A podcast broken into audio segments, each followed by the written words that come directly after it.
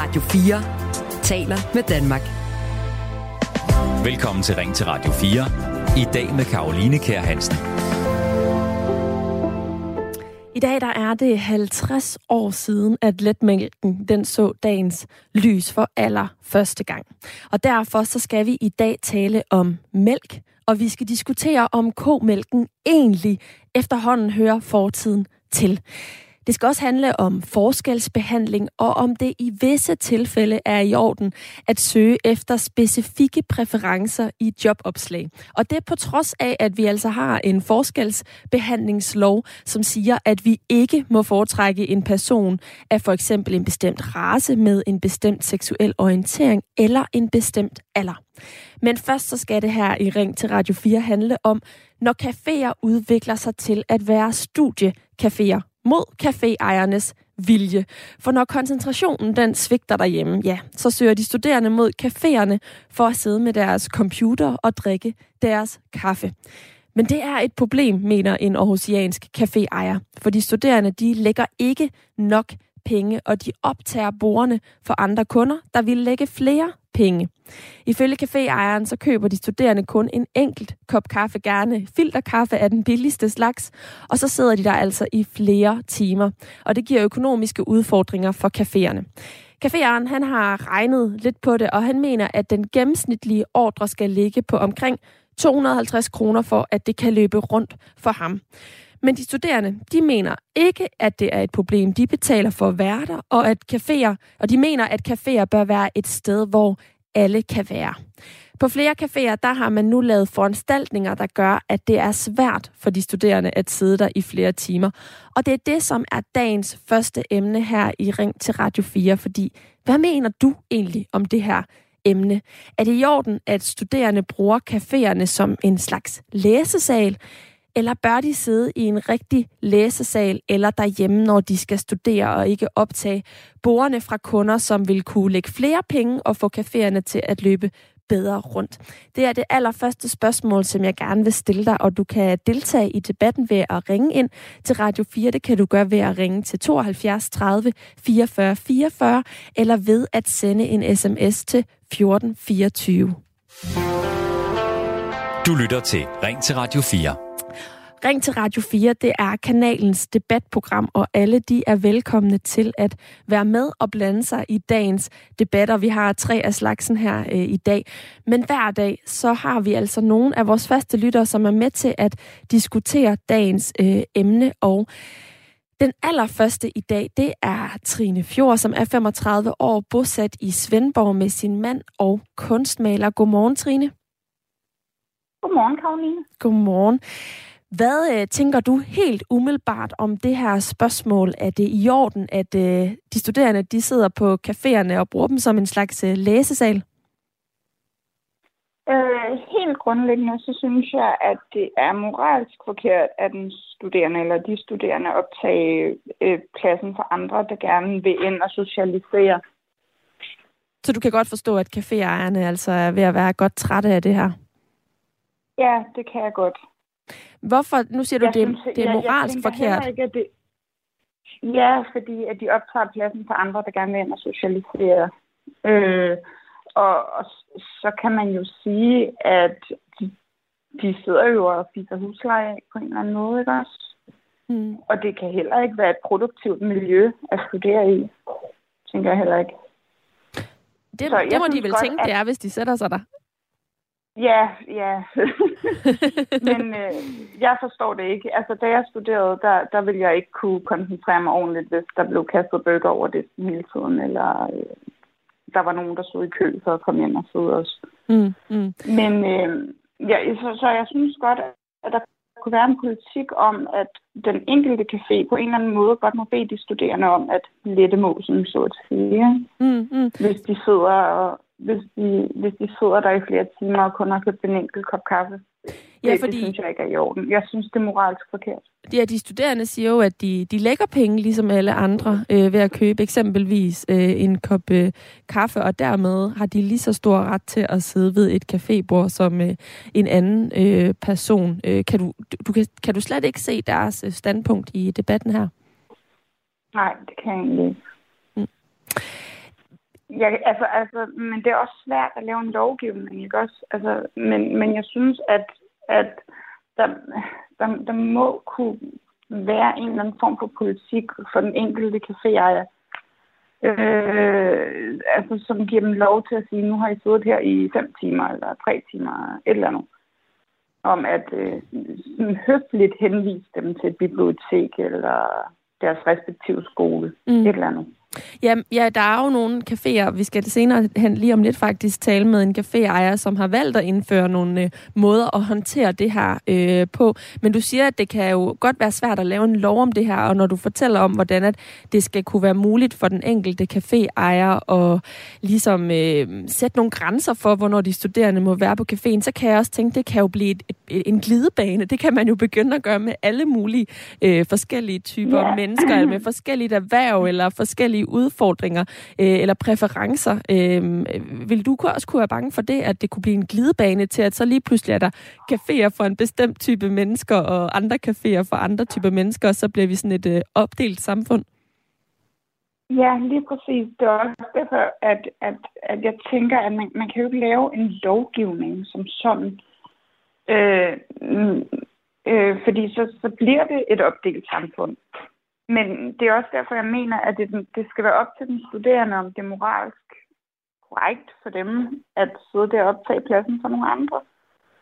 Øh, og så synes jeg, at det skal være okay, at, at der er den her politik for, for, for caféer. Man godt må sige, hvis de har siddet der i mange timer og drukket en enkelt kop filterkaffe, at øh, nu, nu, nu, nu henviser jeg dig lige høfligt til et bibliotek.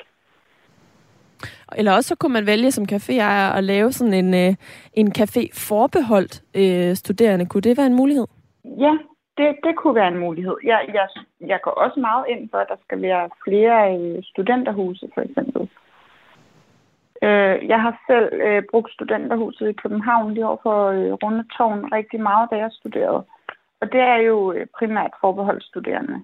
Og der kan du altså få billig filterkaffe. Og hvis der var flere af sådan nogle steder for de studerende, så, så ville det jo hjælpe rigtig meget på det her problem. Mm. Trine, du er øh, som sagt øh, en af de faste lyttere, som er med i programmet i dag til at diskutere specifikt det her emne om, hvorvidt det er i orden, at studerende de bruger øh, caféer. Og du må meget gerne lige hænge på linjen, fordi så vender jeg tilbage til dig lidt senere øh, i programmet. Jer, der lytter med, er også hjertelig velkommen til at blande jer i øh, debatten, og det har Allan gjort ved at sende en sms ind til 1424. Han skriver, selvfølgelig skal de studerende være hjemme. Det bliver de nødt til øh, alligevel, når caféerne lukker på grund af manglende indtægt. Med venlig hilsen, Allan Lauritsen. Ina fra København har også sendt mig en sms, og hun skriver, hej, så ser studerende på biblioteket, og der kan de sidde længe, så jeg forstår altså ikke alt det der cafépjat med venlig hilsen, Ina fra København. Og nu kan jeg så byde velkommen til øh, Brian Frostholm, som er den ene ejer af Bingo Café i København på Amagerbrogade. Godmorgen. Godmorgen. Du kan godt forstå det der café, café-pjat modsat øh, min lytter Ina, for du, øh, du har selv erfaring med, med emnet her. Vil du ikke lige prøve at fortælle om, hvordan, øh, hvordan de studerende bruger øh, jeres café, eller hvordan I mærker, at der er studerende, der bruger øh, caféer, specifikt jeres bingo? Øh, jo, jo, det vil jeg gerne. Altså som udgangspunkt, så, så, så, øh, så, så er det ikke kun studerende, det drejer sig om. Øh, over en bred kamp, så, så er det gæster, der har behov for at bruge deres computer. Og, øh, og det må man gerne hos os. Øh, vi, vi har haft caféen i, i, i øh, cirka fem år, og, og i løbet af de sidste to år, der har vi sådan stille og roligt implementeret tre regler, som, som gør, at, at vi alle sammen kan være her. Øhm, og, det, og det er helt grundlæggende, at man, øh, man ikke skal optage mere plads end, end højst nødvendigt. Øh, vi har oplevet, at folk har haft en printer med ned, og, og, det dur ikke. Det bidrager ikke rigtigt til den stemning, vi gerne vil have. Det lyder da også helt øh, vildt med en printer på en café. Ja, ja men, men det, er også, det har vi oplevet en enkelt gang, og, og det er også det, der ansporet os lidt til ligesom at, at sige, okay, lad, lad os, lad os, altså, vi har jo en filosofi om, at alle skal kunne være her. Og, og, og det kan man øh, også godt med en computer, hvis, hvis man optager bare et enkelt bord. Øh, så skal man være sød og med at tale i telefon og lave Skype-møder indenfor, for vi er en lille café på, på 50 kvadratmeter med et åbent køkken. Og så har vi lavet en regel om, at man skal huske at støtte caféen. Øh, og det vil sige, at, at man skal købe noget, hver gang der er gået en time. Hvis man kommer og spiser morgenmad og sidder og hygger sig og tager computeren frem, så er det ikke noget, vi, er, vi, vi håndhæver så voldsomt. Men, men, men vi har lavet sådan to små skilte, der står i caféen, og så kan folk selv orientere sig i forhold til, hvordan, hvordan vi gerne vil have, at man arbejder med computer på bingo. Mm. Og har I så nogle, forhold, øh, nogle holdninger til, hvad, hvor, hvor meget man skal købe per time? Altså nu havde vi den her caféejer i Aarhus, som har sat det her øh, øh, emne til øh, debat, og han har altså regnet på, at det kræver cirka 250 kroner ved et bord at få det til at løbe rundt. Men de studerende køber som oftest kun en øh, kop øh, filterkaffe. Øh, vil det være i orden, hvis man så som studerende går op og køber en filterkaffe hver time, eller forventer I, at man ligesom tilkøber lidt mere, køber en frokost på et tidspunkt, øh, eller et stykke kage med, hver gang man også går op og køber en drikkevare? Nej, altså det, det, det gør vi ikke. Altså det håber vi, at vores gæster gør, men det håber vi jo, at alle vores gæster gør. Og, og, og, og måden at anspore sine gæster til at købe noget mere, det er, at de hygger sig, at de har en god oplevelse, og at de synes, at vores produkter er lækre. Så nej, vi, vi opfordrer folk til det, men, men, men, øh, men vi går ikke ned og løfter pegefingeren, og der er ikke nogen krav til, hvor meget man skal købe. Øh, og vi har også masser af studerende, som bruger vildt mange penge, og, og folk, som, som sidder fuldtidsarbejder, som ikke gør det.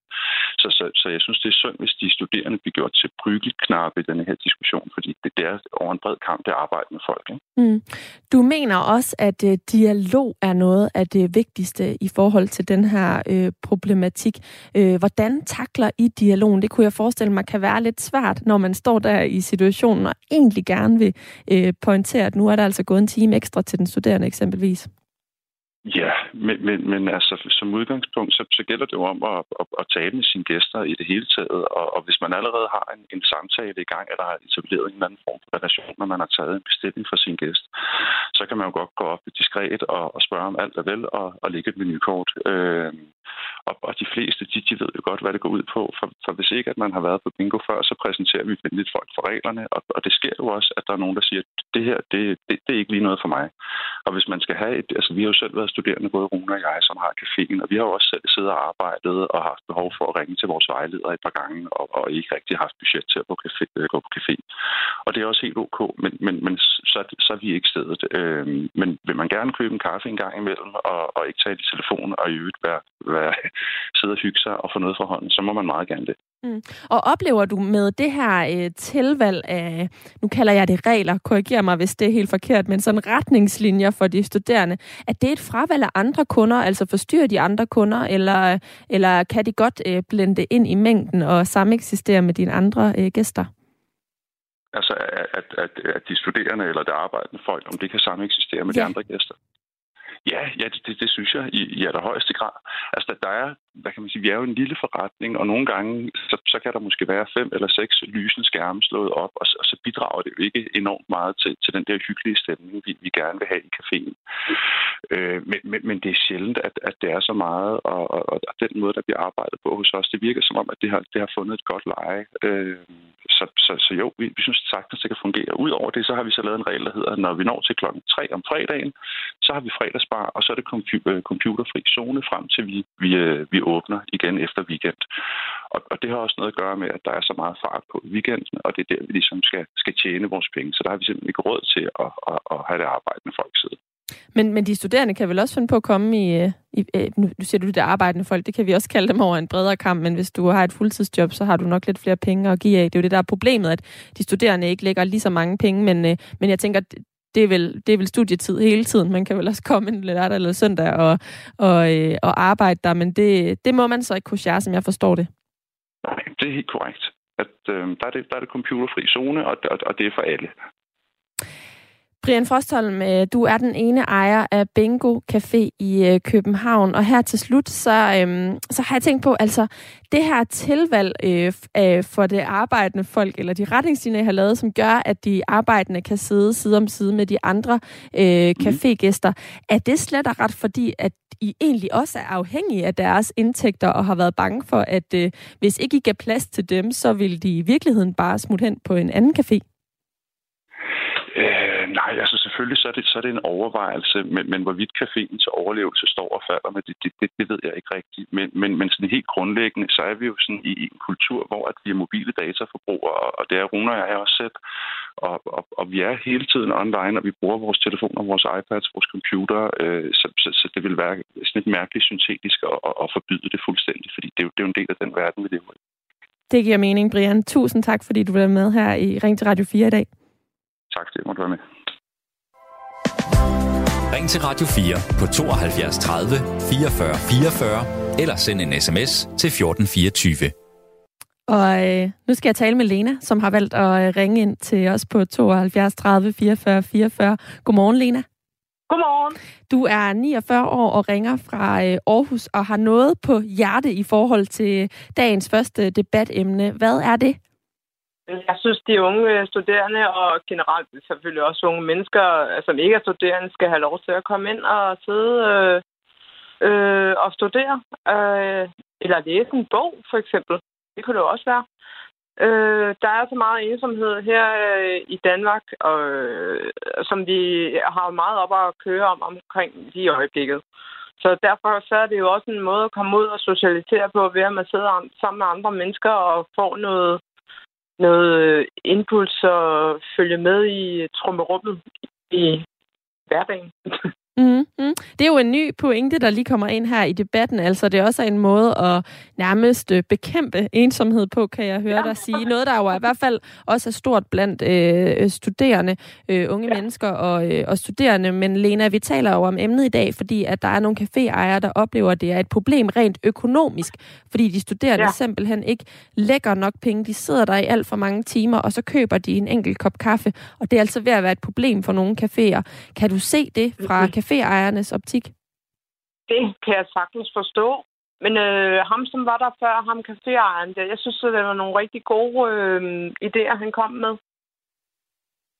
Så hvis du skulle komme med et øh, løsningsforslag, så altså både vi har glade studerende på caféerne, og vi har glade caféejere, hvad skulle det ja. så være?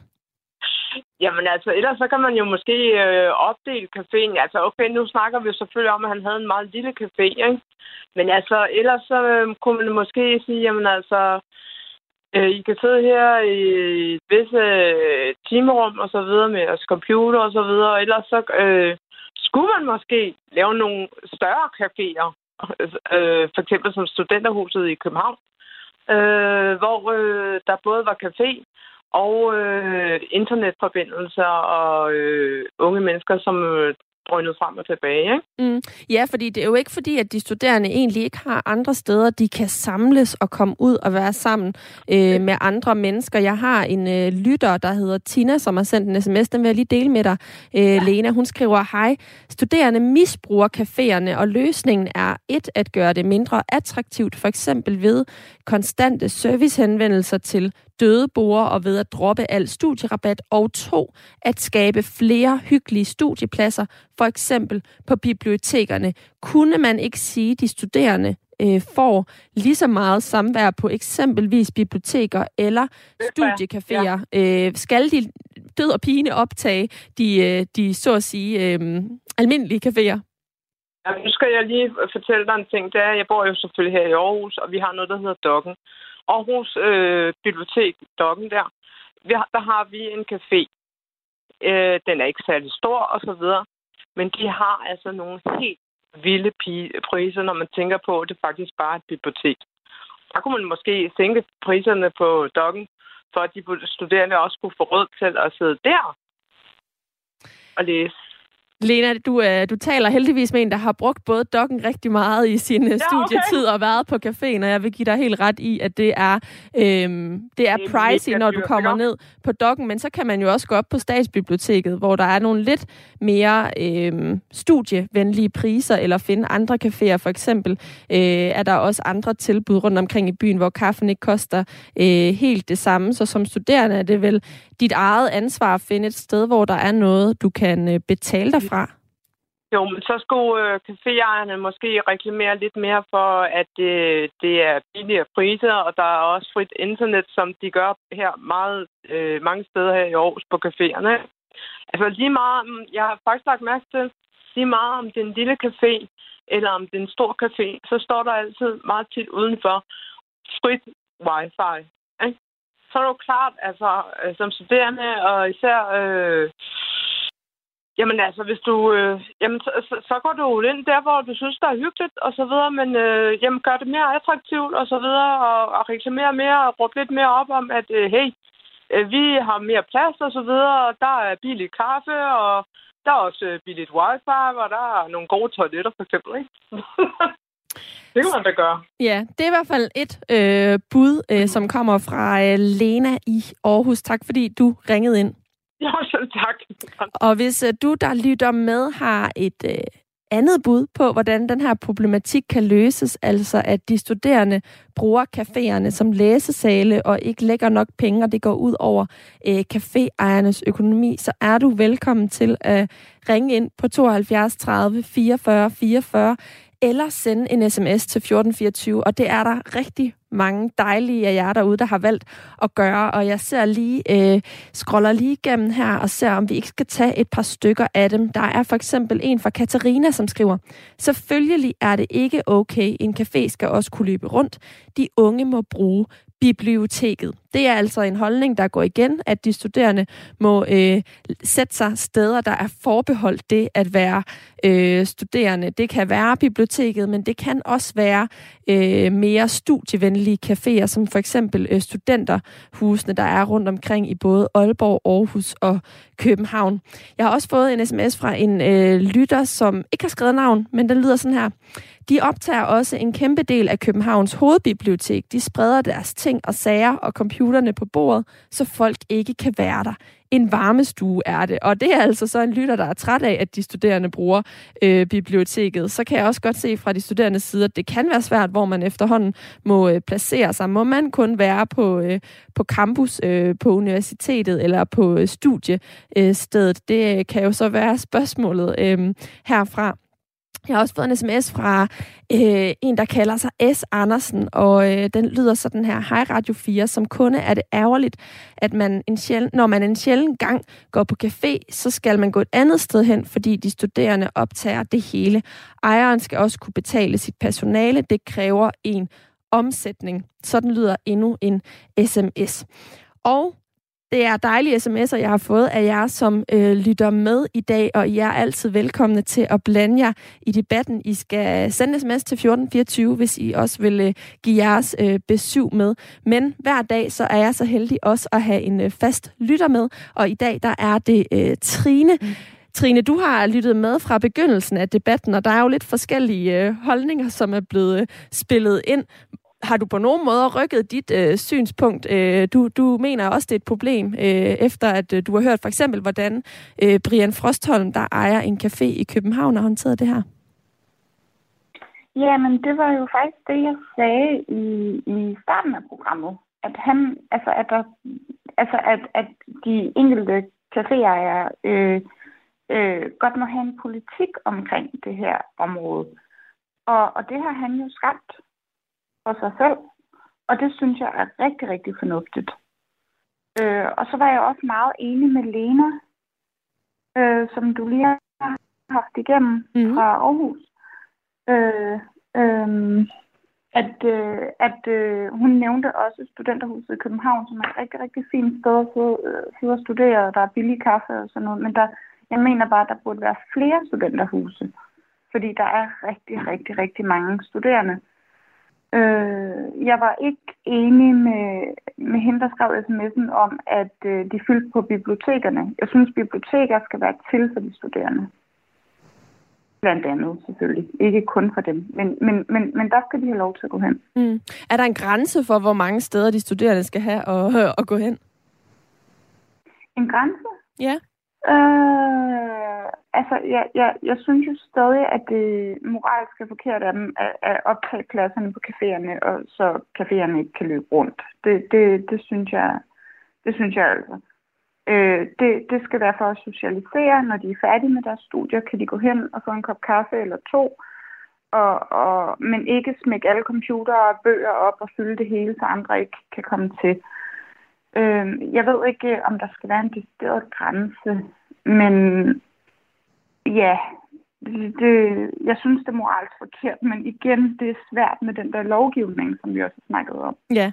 Trine, øh, vi, fordi, øh, vi, vi fortsætter debatten på, øh, på den anden side af et øh, kort øh, nyhedsoverblik. Hvis du, der lytter med, ja. kunne have lyst til at blande dig i den, så kan du stadig øh, sende en sms til 1424 eller ringe ind på 72 30 44 44. Og spørgsmålene lyder altså, er det i orden, at de studerende bruger caféerne som læsesal, eller bør de sidde i en rigtig læsesal eller derhjemme? Radio 4 taler med Danmark.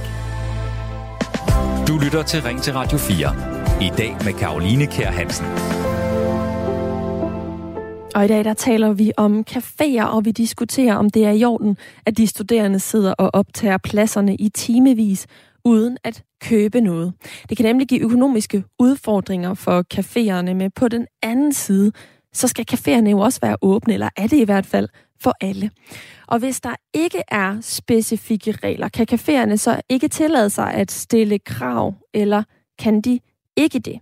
Tidligere i programmet, der talte jeg med ejeren af en café, som netop oplever det her som et meget stort problem. Og øh, lige om lidt, så skal vi høre, høre de øh, studerendes øh, side af sagen. Men inden da, der kan du øh, nå at blande dig i debatten. Øh, du skal svare på spørgsmålet, er det i orden, at de studerende bruger caféerne som læsesal, eller bør de sidde i læsesalen eller derhjemme? Du kan være med ved at ringe ind på 72 30 44 44 eller sende en sms til 1424. Og øh, Jimmy på 40 fra Farm har valgt at ringe ind. Godmorgen til dig, Jimmy. Godmorgen. Hvad mener du om øh, dagens spørgsmål? Jamen, altså, jeg mener jo det der, øh, hvad hedder det, jeg kan jo godt forstå caféejernes side. Altså, hvis, der, hvis størstedelen af studerende fylder en café, hvor der ikke bliver betalt særlig meget, så skal caféejeren jo øh, få underskud i sin butik. Og alt det har jeg fuld forståelse for. Men jeg synes også til gengæld, at det er for dårligt, at vi som øh, land i Danmark og er og i de forskellige kommuner kan sende penge øh, helt andre steder, end at beholde den her, hvor der er brug for en som til studerende. Vi burde kunne lave nogle, øh, nogle steder, med, øh, hvor der er studer, studieklubber i stedet for caféer, hvor de unge ligesom selv får et, øh, hvad hedder det, får lavet et kort for tilknyttet, tilknyttet en klub, hvor de kan gå ned og studere dernede, hvor de selv kan oprette lidt øh, café, så at sige, hvor der bliver købt noget, ligesom man gjorde i gamle dage, øh, selv øh, spædet noget i, med noget kaffe eller noget sodavand, whatever, hvad de nu kan. Og så, så skulle et eller andet sted selv få lov til at styre det lidt der. Så lyder det, det altså... Jeg, sådan lyder det fra Jimmy, som altså opfordrer til flere slags af dem, nogen vil kalde studenterhuset, altså nogle øh, caféer, der er forbeholdt øh, studerende. Tak for det indspark i debatten, Jimmy. Og god tur. Jeg tror, du er på vej i en, øh, en bil et sted hen. ja, ja, jeg, jeg er på arbejde. Jeg er ude at køre. God arbejdsløst og god øh, køretur. Der er også en masse andre, der øh, blander sig i debatten ved at sende sms'er. Det kan du gøre ved at sende en sms til 1424, og en af dem, der har skrevet, det er Annette fra Marie Lyst. Hun skriver, nu er restaurationsbranchen og dermed caféer et almindeligt borgerligt erhverv, som naturligvis skal være rentabelt. Caféer bør ikke være varmestue for læsetrætte studerende i al almindelighed. Sådan lyder det altså fra øh, Annette, og øh, Pau Nikolaj har også øh, sendt en sms. Den lyder, øh, på mange spisesteder er der afsat to timer per bord til gæsterne. Det kan caféejerne også indføre. Det vil måske være øh, noget, der kan løse udfordringen, skriver Pau Nikolaj altså noget, der kan være med til at løse den her udfordring med, at de studerende de sidder alt for længe og køber alt for lidt. Men her kan caféerne altså måske lære lidt af de mere sådan øhm, traditionelle restauranter, øh, der nogle gange har afsat specifik tidsramme for, øhm, hvad øh, vi skal have af tid, når vi sidder på en øh, café. Der er også kommet en anden sms, som lyder. Biblioteket er skabt til, at folk kan sidde stille og roligt med deres PC og gøre, hvad de skal. De unge studerende bør ikke bruge internetcaféer, men deres uddannelsessted eller deres hjem eller biblioteket. Der er altså flere steder, de studerende kan bruge. Der er biblioteket, der er øh, studenter, øh, caféer som studenterhusene, der er øh, uddannelsesstederne eller deres hjem. Men spørgsmålet er, skal vi egentlig have nogle øh, caféer, der er rettet mere mod de studerende? Vi kan i hvert fald se, at de studerende, de er øh, vilde med at komme på café og studere. Ring til Radio 4 på 72 30 44 44 eller send en sms til 1424. Normalt så hører de studerende jo primært til på universiteter og uddannelsescentre med læsesale og grupperum. Men mange studerende de er også glade for caféerne, hvor der ofte er gratis wifi og god kaffe. Det falder dog ikke altid i lige god jord, når de studerende de indtager rummet. Men de skal også have lov til at være der. Det mener min næste gæst, Esben Bjørn Salomonsen, der er forperson for Dansk Studerendes Fællesråd. Godmorgen til dig. Godmorgen. Kan du ikke sætte øh, dig ind i den udfordring, som øh, nogle caféer de føler øh, i forhold til de studerende? Altså, at de blot køber en øh, billig kop kaffe, og så sidder der hele dagen og optager en plads?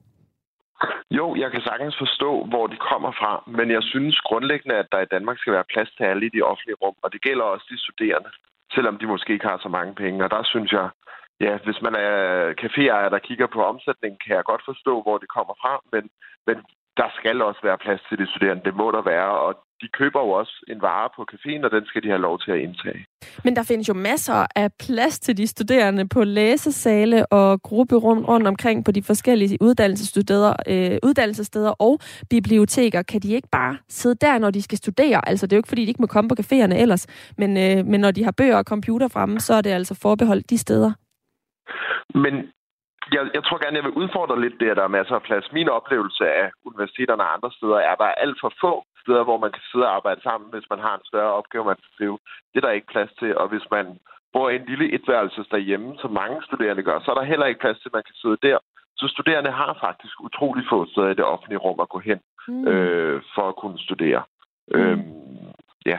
Mm. Og det, det er selvfølgelig et ansvar, der ikke nødvendigvis er caféernes, men også uddannelsesinstitutionernes, at give bedre plads til dem øh, på uddannelsesinstitutionerne. Men lige nu er virkeligheden bare, at det er der ikke, og så søger de studerende ud der, hvor de kan finde den plads. Mm.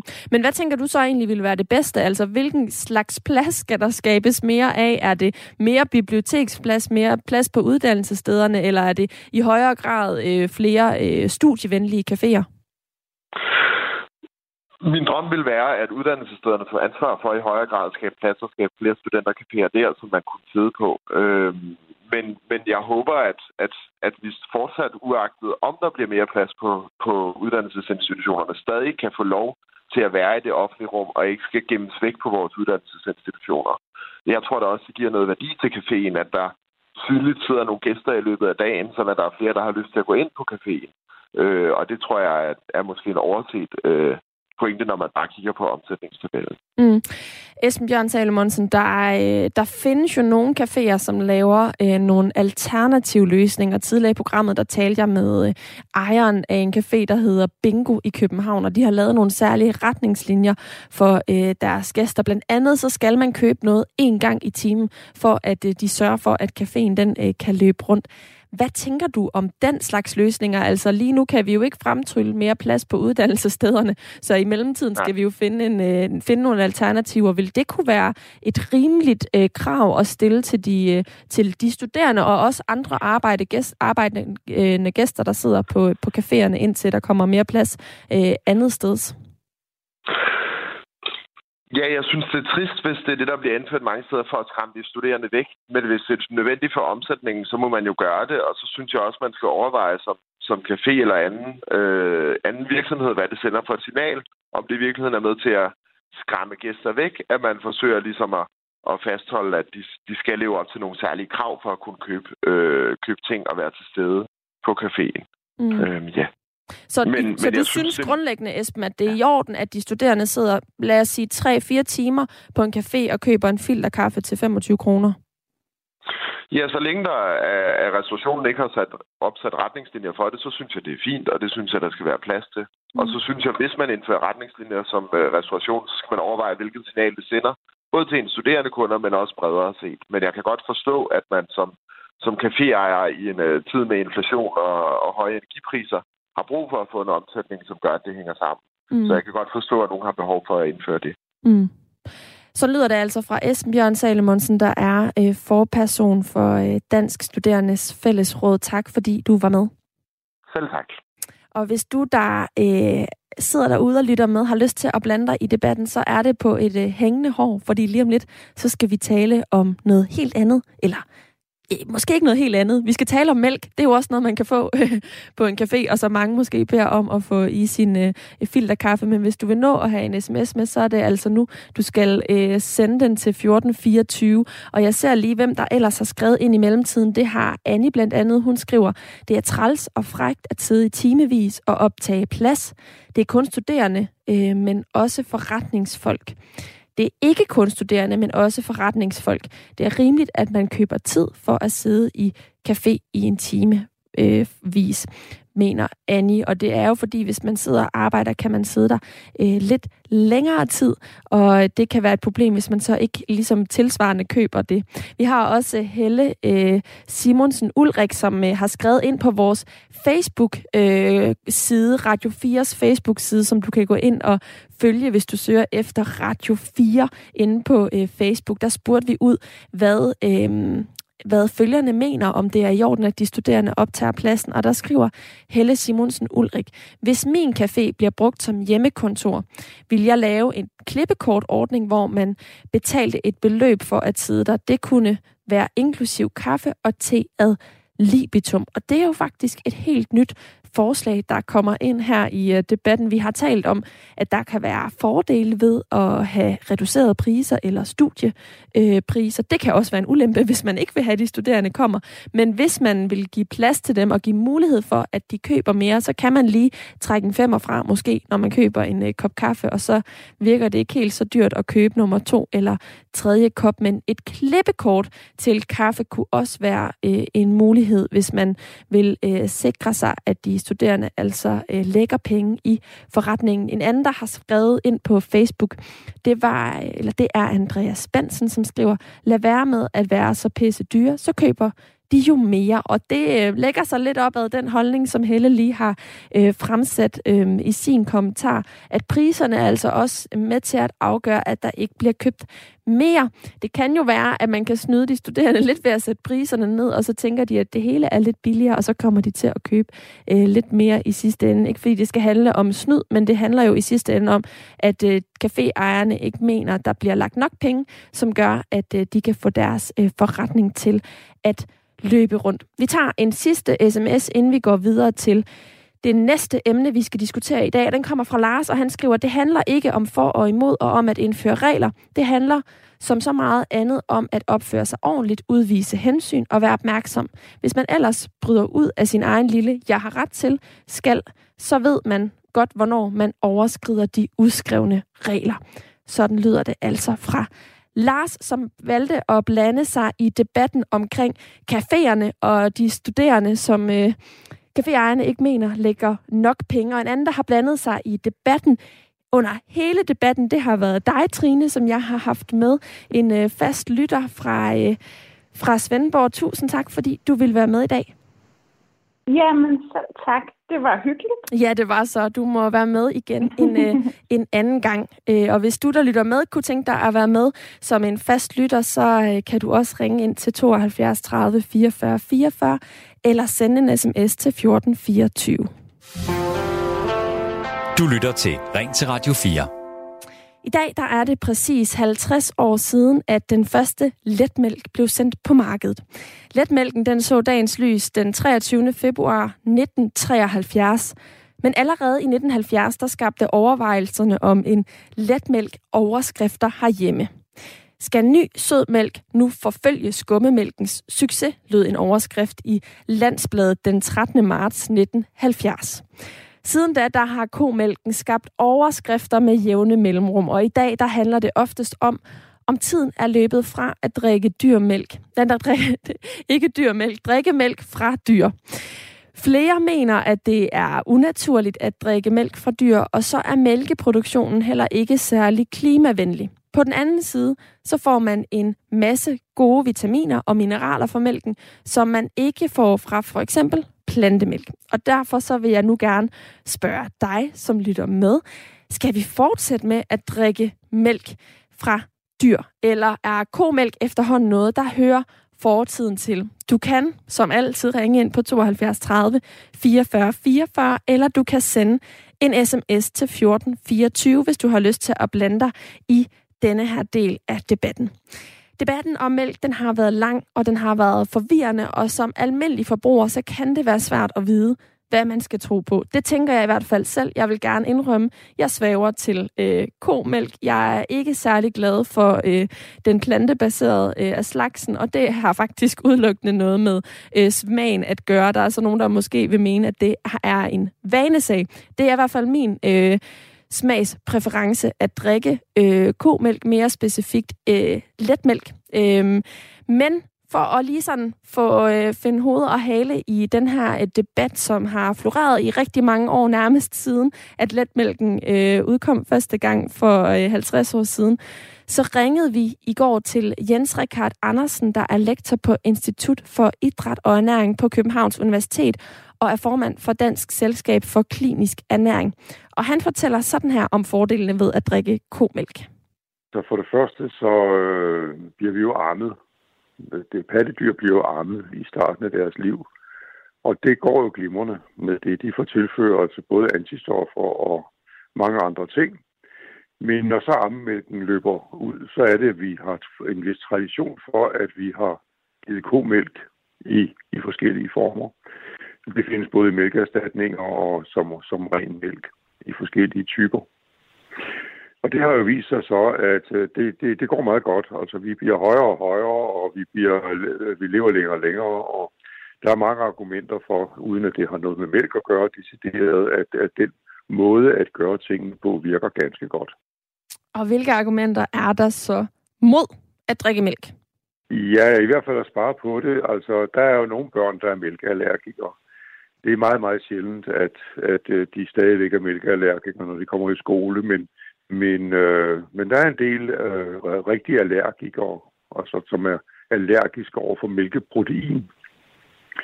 Det er proteinet, man bliver allergisk over for, i, i, altså i komælk. Og de har det jo ikke så godt. Det er ikke nogen stor gruppe, men det er en gruppe, der er ret konstant. Og det, de, der går ud over, de har det jo så skidt med det. Og det var altid lidt tid, før man finder ud af det. Så der når barnet jo så at blive, at blive lidt halvdårlig undervejs. Det er den ene ting. Den anden ting, det er mælkesukkeret.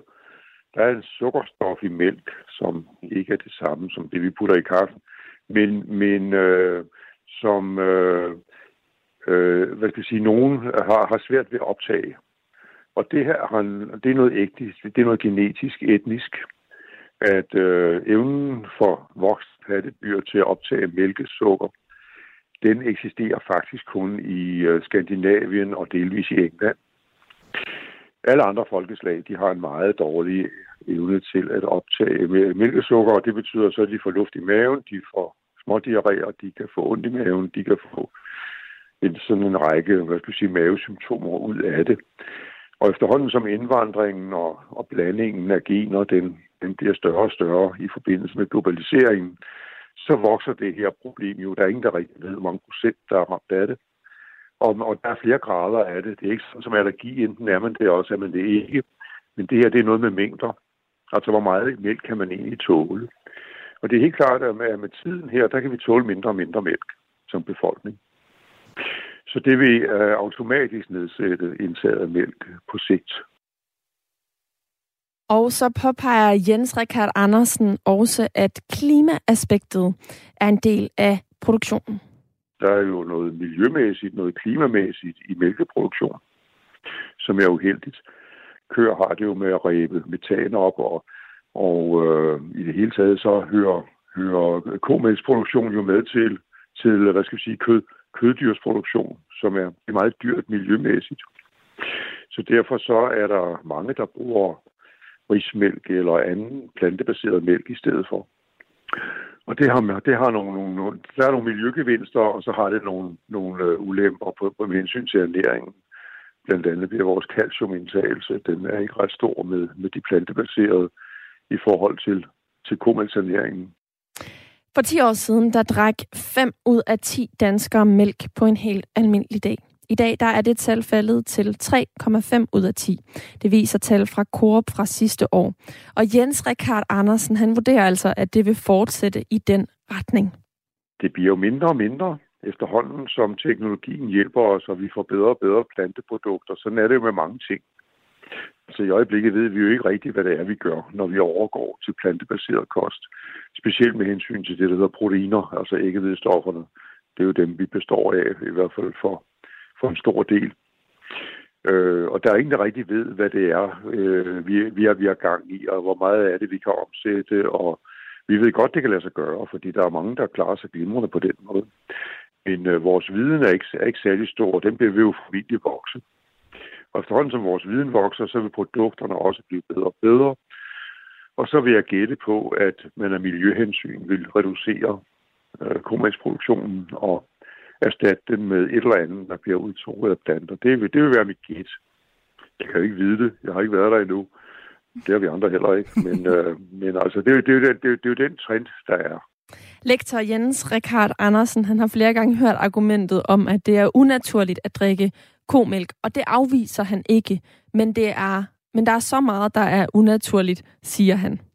Vi har jo gjort det i, i, i mange hundrede år, så på den måde, jeg ved ikke rigtig, hvad naturligt er. Men, men øh, vi har jo skaffet os føde på forskellige måder i, i mange hundrede år. Og vi dyrker også øh, grøntsager, altså kartofler for eksempel. Det er jo ikke givet. Vi har ikke altid spist kartofler. Men det har vi gjort i nogle hundrede år. Det er gået meget godt, efter vi fik dem imponeret, importeret fra, fra, øh, fra Amerika. Men, men det var efter Christopher Columbus alt sammen, med kartoflerne for eksempel. Og, og vi har mange spiser, der ikke har noget med, med dyr at gøre, som vi også opfatter som mere eller mindre naturligt, men det er jo en kulturel ting. Det er jo ikke noget, der er, der er givet på forhånd. Det har bare vist sig, at vi, vi, vi klarer os meget godt som, øh, som, øh, hvad skal vi sige, som dyreart på den her måde. Så det der med at lave om på det hele på en gang, det er, det er nok ikke klogt. Men jeg tror, at der sker en udvikling lige så stille, og så finder man så ud af, at hvis man gør nogle ting, så går det meget godt. Og hvis man ikke går, hvis, hvis man gør noget andet, går det måske ikke så godt. Og så fraværer man det. Det er sådan det, der hedder rent darwinisme. Ikke? Altså evnen til at tilpasse sig er jo den, der afgør, hvad der, hvad der klarer sig bedst her på jorden. Sådan lyder det altså fra Jens Rikard Andersen, der er lektor på Institut for Idræt og Ernæring på Københavns Universitet og formand for Dansk Selskab for Klinisk ernæring. Og ham havde vi ringet til i går, fordi at vi nu skal diskutere, om vi skal fortsætte med at drikke mælk, eller om komælk efterhånden er noget, der hører fortiden til. Og det er fordi, at i dag, der er det 50 år siden, at der øh, blev øh, serveret letmælk for aller første gang. Du kan blande dig i debatten ved at ringe ind til 72 30 44 44 eller sende en sms til 1424. Og det er sådan, at alle er velkomne til at blande sig i debatten her i Ring til Radio 4. Men hver dag, så har jeg også en håndfuld faste lyttere, som øh, er med i øh, et længere tidsrum. Og nu skal jeg byde øh, velkommen til Anders Brusen, 32 år, fra Odense og animator. Godmorgen. Ja, godmorgen. Jeg taler med Troels Rosenjøst. Nå, øh, jeg vil bare sige, at øh, det er dejligt, at vi snakker om mælk, øh, fordi for mig har det været en, øh, en omstilling, jeg har, har måttet være igennem. Ja, du har bare, erfaring med det, her, med det her med at gå fra at leve af mælkeprodukter og så leve uden mælkeprodukter. Vil du ikke lige fortælle om det? Jo, altså lige præcis. Som, som barn, når jeg var ude at handle, min mor havde altid 6 eller 8 liter mælk med hjem, fordi ellers vi kunne ikke eksistere. Jeg tror nærmest, at vi fik at vide, at vi ville øh, blive syge og, og dø af det, hvis ikke vi fik øh, mælk. Og, øh, og jeg fik jo til med faktisk letmælk i skolen øh, på sådan ren øh, nærmest øh, et abonnement jo, som, som har kørt med skolemælk. Men øh, de sidste tre år, så øh, har jeg levet plantebaseret. Det vil sige, at jeg spiser ikke øh, æg eller kød eller mælkeprodukter. Og, øh, og hele livet har jeg egentlig kæmpet med, med, med sådan overvægt, øh, og har siden 3. klasse, hvor det blev en, en ting, jeg, jeg tænkte over. Jeg kunne se, at jeg ligesom havde de her øh, små øh, bygge drengebryster her, som man, man kan sige, altså mælkekirtlerne var lidt, eller ikke mælkekirtlerne, fedtkirtlerne selvfølgelig, de var, de var, øh, var sådan lidt udposet der, øh, som, øh, som man kan, kender det fra øh, mandepatter. Men i hvert fald så, øh, så har jeg kæmpet med det, og har lavet armbøjninger lige siden, og jeg har prøvet at kæmpe, og jeg kom helt ned, var helt flad, havde altid de her små øh, dinglende bryster der, og til med også større brystvorter. Øh, efter jeg skiftede til, til mælk, så på forholdsvis kort tid, øh, på et halvt år øh, i øvrigt, så tabte jeg øh, 19 kilo, 19,5 kilo. Og øh, øh, selvfølgelig så har jeg gået en tur hver dag også. Det kan også være meget at sige jo. Men øh, det har i hvert fald været indvirkning øh, i det. Og, øh, og så mine brystvorter, de er også blevet mindre og ligner, øh, at nu er de naturlige, og jeg er blevet helt fladbrystet, som jeg altid havde drømt om. Det lyder øh, da som en dejlig historie, Troels. Ja, men det er det jo netop. Og, øh, og det er jo det her med, at øh, i mælk, der, øh, der er der kønshormoner. Øh, og det, det kan vi ikke øh, undgå. Du kan behandle det på alle mulige måder. Øh, men pasteuriserer det jo, øh, det mælk, som vi køber ude i butikkerne, og, og over 80 procent af, det, af de her kønshormoner, de er jo øh, fjernet derfra. Men det er jo ikke noget, du direkte har brug for. Argumentet for at drikke mælk har jo tit været, jamen der, der er alle mulige vitaminer i, du ikke kan få andre, eller sådan, jamen, som er godt for dig. Men du kan jo selvfølgelig få det andre steder fra. Du kan spise broccoli, spise nogle nødder, et eller andet. Der, I almindelig mad, der er det. Øhm, altså, alt, alt det her, du har brug for, så argumentet for at drikke mælk, der øh, synes jeg egentlig ikke rigtig uh, hænger sammen med, med, hvad argumenterne er for ikke at drikke mælk. Så lyder det, det altså for dig, Troels, fordi nu skal vi lige have et nyhedsoverblik, og så vender jeg tilbage ja. til dig lige på det den anden side. Men det er altså et klart øh, nej til øh, komælk fra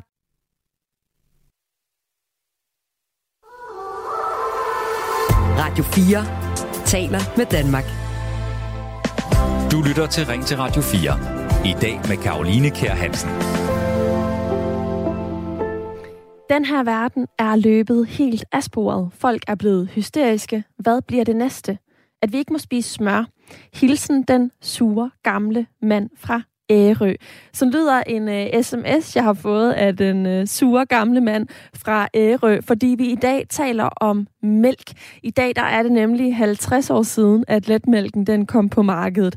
Men de sidste år, der er komælken blevet mere og mere udskilt. Flere mener, at det er unaturligt at drikke mælk fra dyr, og så er der mælkeproduktionen, som heller ikke er specielt klimavenlig. På den anden side, så får man en masse gode vitaminer og mineraler fra mælken, som man ikke får fra for eksempel plantemælk. Og derfor så spørger jeg jer, som lytter med i dag. Skal vi fortsætte med at drikke mælk, eller er komælk efterhånden noget, der hører fortiden til? Du kan sende en sms, ligesom den sure gamle mand fra Ærø til 1424, eller du kan ringe ind på 72 30 44 44. Og indtil du lige får taget røret og ringet op, så vil jeg lige vende tilbage til min lytter Troels, som jeg jo øh, lige fik snakket kort med før nyhedsoverblikket. Øh, er du her stadig, Troels? Ja, det er i hvert fald.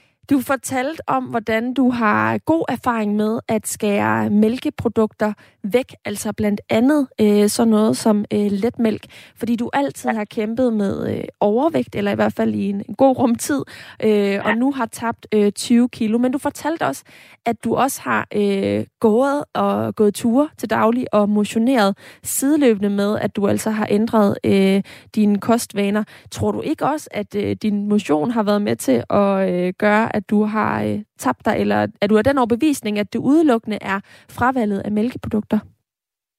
Nej, altså selvfølgelig så øh, at tilskrive alt til øh, sådan isolerede ting. Det er ligesom man vil gøre til mælk, og sige, at, øh, at mælk kommer med alle de her ting, som du ikke kan undvære.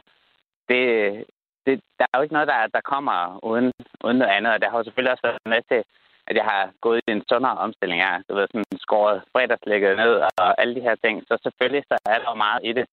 Men, men det, man kan sige om mælk, det er jo, at det er ikke noget, du direkte har brug for. Øh, og jeg synes faktisk, at den rare gamle mand, han skal selvfølgelig købe sit smør.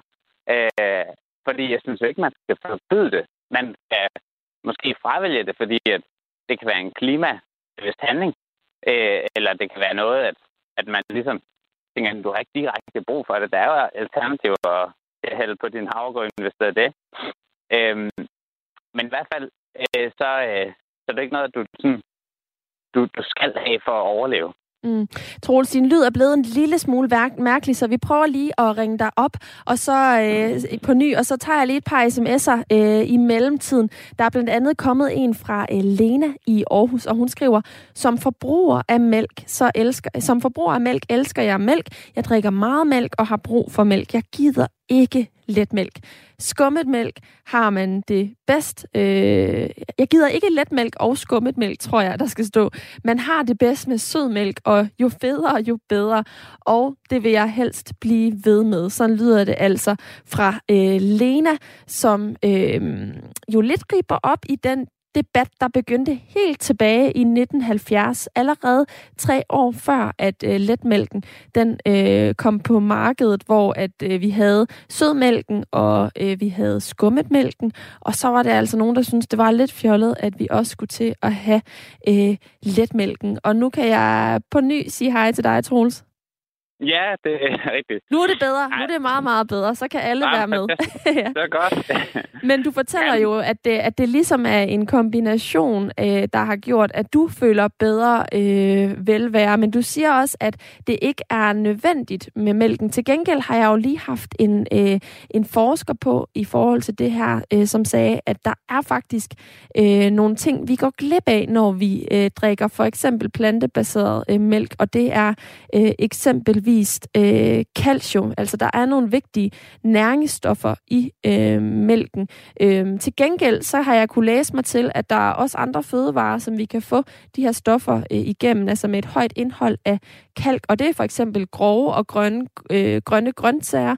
Det er havregryn og groft brød, fuldkornspasta og parboiled ris, tørret frugt og citrusfrugter og fisk med ben i, for eksempel sardiner. Troels, da du lagde din kost om og skar alt mælk øh, væk, fokuserede du så på det her, så du var sikker på ikke at gå glip af nogle væsentlige øh, mineraler og vitaminer?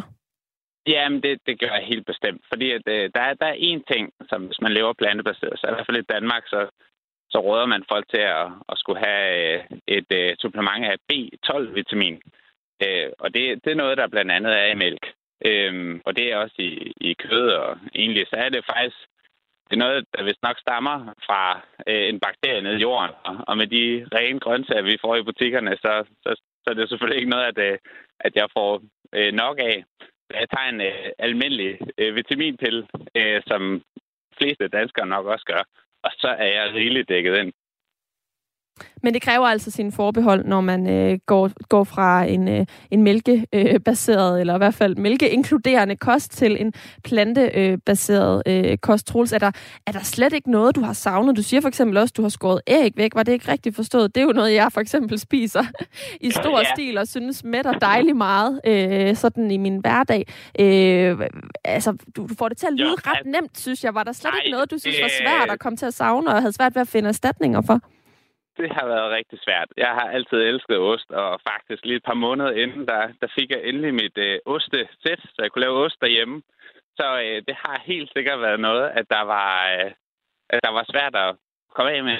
Altså, jeg vil jo sige, at man skal tilskrive mælk en kæmpe stor øh, værdi i vores øh, historie, fordi førhen var mælk jo det, at man havde, du havde det sådan, når køerne var drigtige, og så kunne man ligesom øh, lave det til ost, fordi så kunne du også bevare den her næringskilde når det var, at øh, der for eksempel ikke var noget, du kunne, du kunne høste øh, af dine afgrøder. Så derfor så var det smart at have, have mælk øh, øh, lige ved hånden. Men de køer, vi har i dag, de giver mælk hele året rundt, og ned i supermarkedet, så, øh, så kan du i hvert fald få mælk hele året rundt.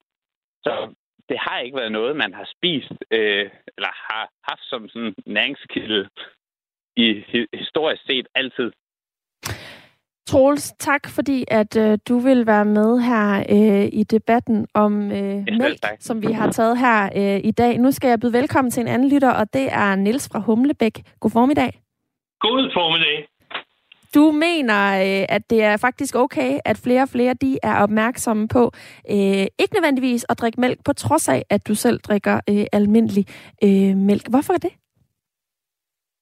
Jamen, øh, det er fordi, at der er kommet gudskelov øh, en, en, et stort spørgsmålstegn ved, øh, hvordan at vi får optimeret vores, øh, vores levevis i det hele taget, bedre sædkvalitet og mindre allergi og alt muligt andet, som folk slås med i deres kroppe i dag.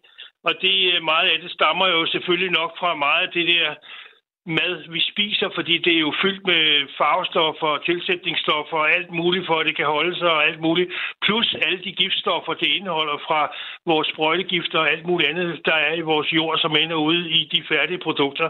Så jeg synes øh, generelt, at det er fint, at der er er lidt fokus på, at man bliver lidt mere kritisk for, hvad det er, at man putter på maskineriet, for at det kan fungere optimalt i vores krop, ikke? Mm. Så lyder det altså øh, fra øh, Nils der ringede ind fra øh, Humlebæk. Tak fordi du gjorde det.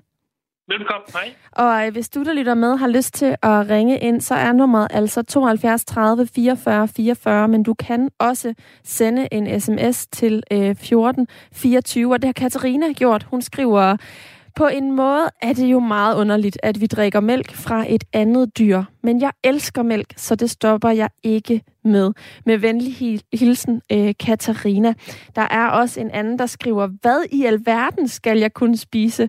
Cornflakes, hvis mælk skal være fortid. Ah, men altså, der er altså nogle af lytterne her, kan jeg se, der ikke er helt omstillingsparate øh, i forhold til at øh, gå fra øh, komælk til øh, plantemælk, og jeg vil meget gerne medgive, at øh, det er jeg sgu heller ikke selv. men, øh, men det er jo lidt øh, smag og behager, som vi havde en forsker til at sige tidligere i dag, så er der øh, rigtig mange vigtige øh, vitaminer og mineraler, som vi får øh, via øh, mælken. Hvis man skærer den fra, så er det vigtigt, at man sikrer sig, at man får dem gennem anden kost, som indeholder øh, høje mængder øh, af kalk, øh, eller øh, erhverver sig nogle øh, bestemte øh, vitaminpiller. Øhm, men der er også nogle problemer omkring mælkeproduktionen, som kan være nogle øh, ulemper, og det er altså der, hvor at øh, plantemælken er lidt længere fremme, end komælken er. Du lytter til Ring til Radio 4. Desværre er det ikke sådan en som dig, vi søger. Vi skal helst have en, der er etnisk dansk, og det er grundet mange af vores ældre kunder. Sådan lød det i et afslag, som en mor har delt på LinkedIn. Afslaget det er sendt til hendes søn, som har søgt om en lærlingeplads som elektriker.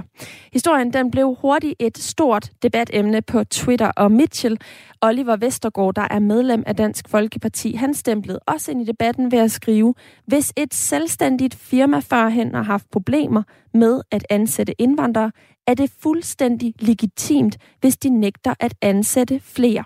Vi har i forvejen en lov, der beskytter mod forskelsbehandling, når man ansætter nye medarbejdere. Her står der, at man ikke må angive i et jobopslag, at man søger eller foretrækker en person af bestemt race, hudfarve, religion, alder, handicap eller andet. Og man må heller ikke skrive, at man ikke ønsker en person med de forskellige kendetegn. Men kan det i nogle tilfælde være en god idé, at arbejdsgiveren søger en specifik person til et job? For eksempel hvis der er en børnehave, der søger en mandlig pædagog, hvis der i forvejen er mange kvinder ansat, eller omvendt. Eller hvis man nu øh, på et lager vurderer, at det kan være svært at udføre jobbet, hvis man øh, har et handicap, og sparer man i virkeligheden ikke ansøgerne for besværet, hvis man alligevel bare har tænkt sig at fravælge dem senere i processen. Det er det, vi skal tale om nu. Vi springer altså fra mælk til forskelsbehandling, og derfor så vil jeg gerne spørge dig, der lytter med. Er det i orden, at man i visse tilfælde forskelsbehandler, når man skal ansætte nye i virksomheder? Og skal forskelsbehandlingsloven ændres, eller måske helt afskaffes? Eller er det godt, at vi har en forskelsbehandlingslov? Du kan ringe ind på 72 30 44 44 eller sende en sms til 1424. Og så kan jeg byde velkommen til Janne Frederiksen, der er 29 år, uddannet socialpædagog og bosat i Arden. God formiddag. God formiddag. Du er en af de faste lyttere, som jeg har med i uh, dagens program, og det er jeg rigtig glad for, at uh, du har lyst til at uh, være. Nu er det jo forskelsbehandling, som det skal handle om, så mener du, Janne, at det er i orden, at man i visse tilfælde forskelsbehandler, når man skal ansætte nye i virksomheder? Så jeg synes jo, at selve ordet forskelsbehandling altså er meget stereotyp virkelig en dårlig, dårlig ting efter min overbevisning. Øh, jeg kan forstå, at øh, i nogle, øh, nogle ting, at man har nogle præferencer, som i for eksempel fotoshoots, hvor man gerne vil have en speciel stil. Men når vi snakker om sådan noget som de varme hænder og øh, helt almindelige basale arbejds, så synes jeg simpelthen, at det er grotesk, at det stadigvæk finder sted, at man bliver fravalgt ud fra en øh, religiøs baggrund eller en hudmæssig øh, faktor. Mm. Så du synes altså, det er godt, at vi har en øh, forskelsbehandlingslov? Ja, jeg synes, det er rigtig godt, fordi der er en, øh, en generation, der hedder, der har rigtig svært ved at acceptere det her med, at, øh, at alle er, er ligestillet i den form, at det har simpelthen ikke noget at gøre med, hvad sin hudfarve der har det noget at gøre med, hvad du byder ind personlighedsmæssigt. Så, så der er simpelthen nogle mennesker, som jeg kalder det, øh, nogle røvhuller, der har behov for, at der er en lovgivning, som, øh, som siger, at det kan du simpelthen ikke få lov til, det er ikke acceptabelt, og, og sådan er det bare. Mm. Forskelsbehandlingsloven, den omfatter jo også andre end øh, forskellige øh, etniske baggrunde, øhm, men, men selvom vi har loven, så kunne man jo godt gisne om, at der alligevel er nogen, der har oplevet forskelsbehandling. Det er det her, den her case jo i hvert fald øh, et eksempel på. Øh, har du oplevet, at øh, der øh, er noget, som nogen har set sort på øh, ved dig? Ja, 100 procent. Jeg er en af de privilegerede danskere, der har både ADHD og ordblindhed og talblind, og jeg er kvinde. Det er alle sammen nogle faktorer, der gør, at jeg er blevet fravalgt eller fyret, eller folk simpelthen ikke vil ansætte mig på grund af, at, øh, at jeg har de her ting. Selv mit køn har noget, skulle jeg sige, og det er grotesk, at det stadigvæk sker i dag. Så lyder det altså fra øh, Janne, som er min første lytter, jeg har med øh, ind til programslut formentlig. Øh, Janne, hæng endelig på, så vender jeg øh, tilbage til dig lidt senere øh, i debatten. Det er bare i orden. Ring til Radio 4 på 72 30 44 44 eller send en sms til 1424. Det er især på Twitter, at der har været debat om forskelsbehandling, fordi en elektrikerlærling føler, at han er blevet fravalgt på baggrund af hans hudfarve. Og her blander et medlem af Dansk Folkeparti, Mitchell Oliver Vestergaard, sig i debatten ved at skrive. Hvis et selvstændigt firma førhen har haft problemer med ansatte indvandrere, er det fuldstændig legitimt, hvis de nægter at ansætte flere. Velkommen til dig, Mitchell Oliver Vestergaard, medlem af Dansk Folkeparti. God formiddag. God formiddag. Først og fremmest så øh, skal vi lige høre, hvad du mener med, at det er legitimt, for vi har jo forskelsbehandlingsloven, der siger, at det ikke er legitimt. Så hvad mener du med, at det er legitimt i det her hmm. tilfælde? Ja, men det er jo fordi, der er en, en grundlæggende forskel på, om noget er juridisk legitimt, altså i overensstemmelse med loven, eller om noget er legitimt forstået på den måde, at øh, der er en forståelig grund øh, eller årsag til en given handling, øh, hvilket begrebet jo også betyder. Og det er den argumentation, jeg taler ind i. Men, men det skal jeg lige forstå, Mitchell. Altså, hvordan kan noget være legitimt, hvis ikke at øh, hvis det går uden for en lov, som øh, de folkevalgte øh, har skabt? Ja, det er jo som jeg lige har sagt, altså det er et semantisk spørgsmål. Begrebet betyder flere ting. Så det kan både betyde i overensstemmelse med loven, men så kan det også betyde, øh, at noget er forståeligt. Altså en forståelig grund til en given handling. Mm. Og du mener så, at øh, det er forståeligt øh, i det her øh, tilfælde. Øh, hvorfor mener du det? Jamen, jeg skriver ikke noget om det her tilfælde. Jeg skriver øh, et hypotetisk eksempel om, at hvis en virksomhedsejer øh, gennem tiden har oplevet problemer med at sætte indvandrere i sin virksomhed, så synes jeg ikke, at der er nogen lov i det her land, som skal tvinge ham til at ansætte flere. Så du mener, at forskelsbehandling, når det kommer til ansættelse, er helt i orden? Jeg mener, at forskelsbehandlingsloven er et stykke politisk magtværk, altså fordi præmissen for loven er forkert. Altså det, som loven siger, det er, at det kun er kvalifikationerne, der gør sig gældende, når en person skal ansættes. Problemet med det er, at kvalifikationer og personens karakteristika ikke altid kan adskilles. Øhm, altså, det er jo ikke, hvor man kommer fra i sig selv, der er problemet. Det er erfaringen med de, hvad skal man sige, de praktiske konsekvenser deraf. Altså, hvis... Øh, Hvad mener du med det, Mitchell? Et hypotetisk, altså... øh, øh, ja, men hvis et hypotetisk firma har haft problemer med, at der, hvor man kommer fra, jamen, der har været så en, en direkte tråd til, at, at øh, der har været nogle sprogvanskeligheder, som så har ført til for eksempel dårlig kundeservice. Så det er jo det, man forskelsbehandler på. Det er jo ikke, hvor man kommer fra i sig selv, men det er jo, det er jo de praktiske konsekvenser, det medfører.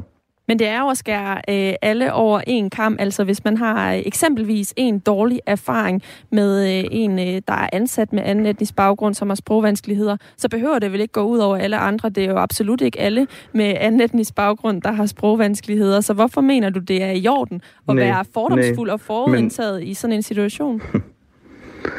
Jeg ved, jeg vil ikke kalde det fordomsfuld. Altså, jeg vil sige, at hvis et det firma er der, har alle over en kamp, set, Mitchell. Hvis et, hvis et firma historisk set har, har ansat øh, en masse indvandrere, og de har haft problemer øh, med dem, altså det kunne være det kunne være problemer med, at de ikke øh, mødte op til tiden. Det kunne være, at de skabte en dårlig kemi på arbejdspladsen. Det kunne være, at de kom med en dårlig attitude. Det kunne være, at de havde mange sygedage. Altså det er sådan nogle helt banale ting. Hvis man har oplevet det med øh, indvandrere, eksempelvis, det kunne også være andre grupper mennesker, jamen så forstår jeg det godt, at den enkelte, altså den enkelte ejer af en virksomhed øh, ikke har lyst til at ansætte flere.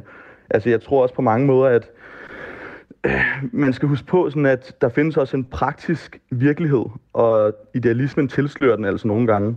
Lad mig prøve at give et, et, et eksempel. Øh, vi kunne tage en nyopstartet øh, håndværkerfirma, som er udgjort af, lad os sige, fire hårdt arbejdende mænd, øh, og de mangler en femte for at kunne overleve.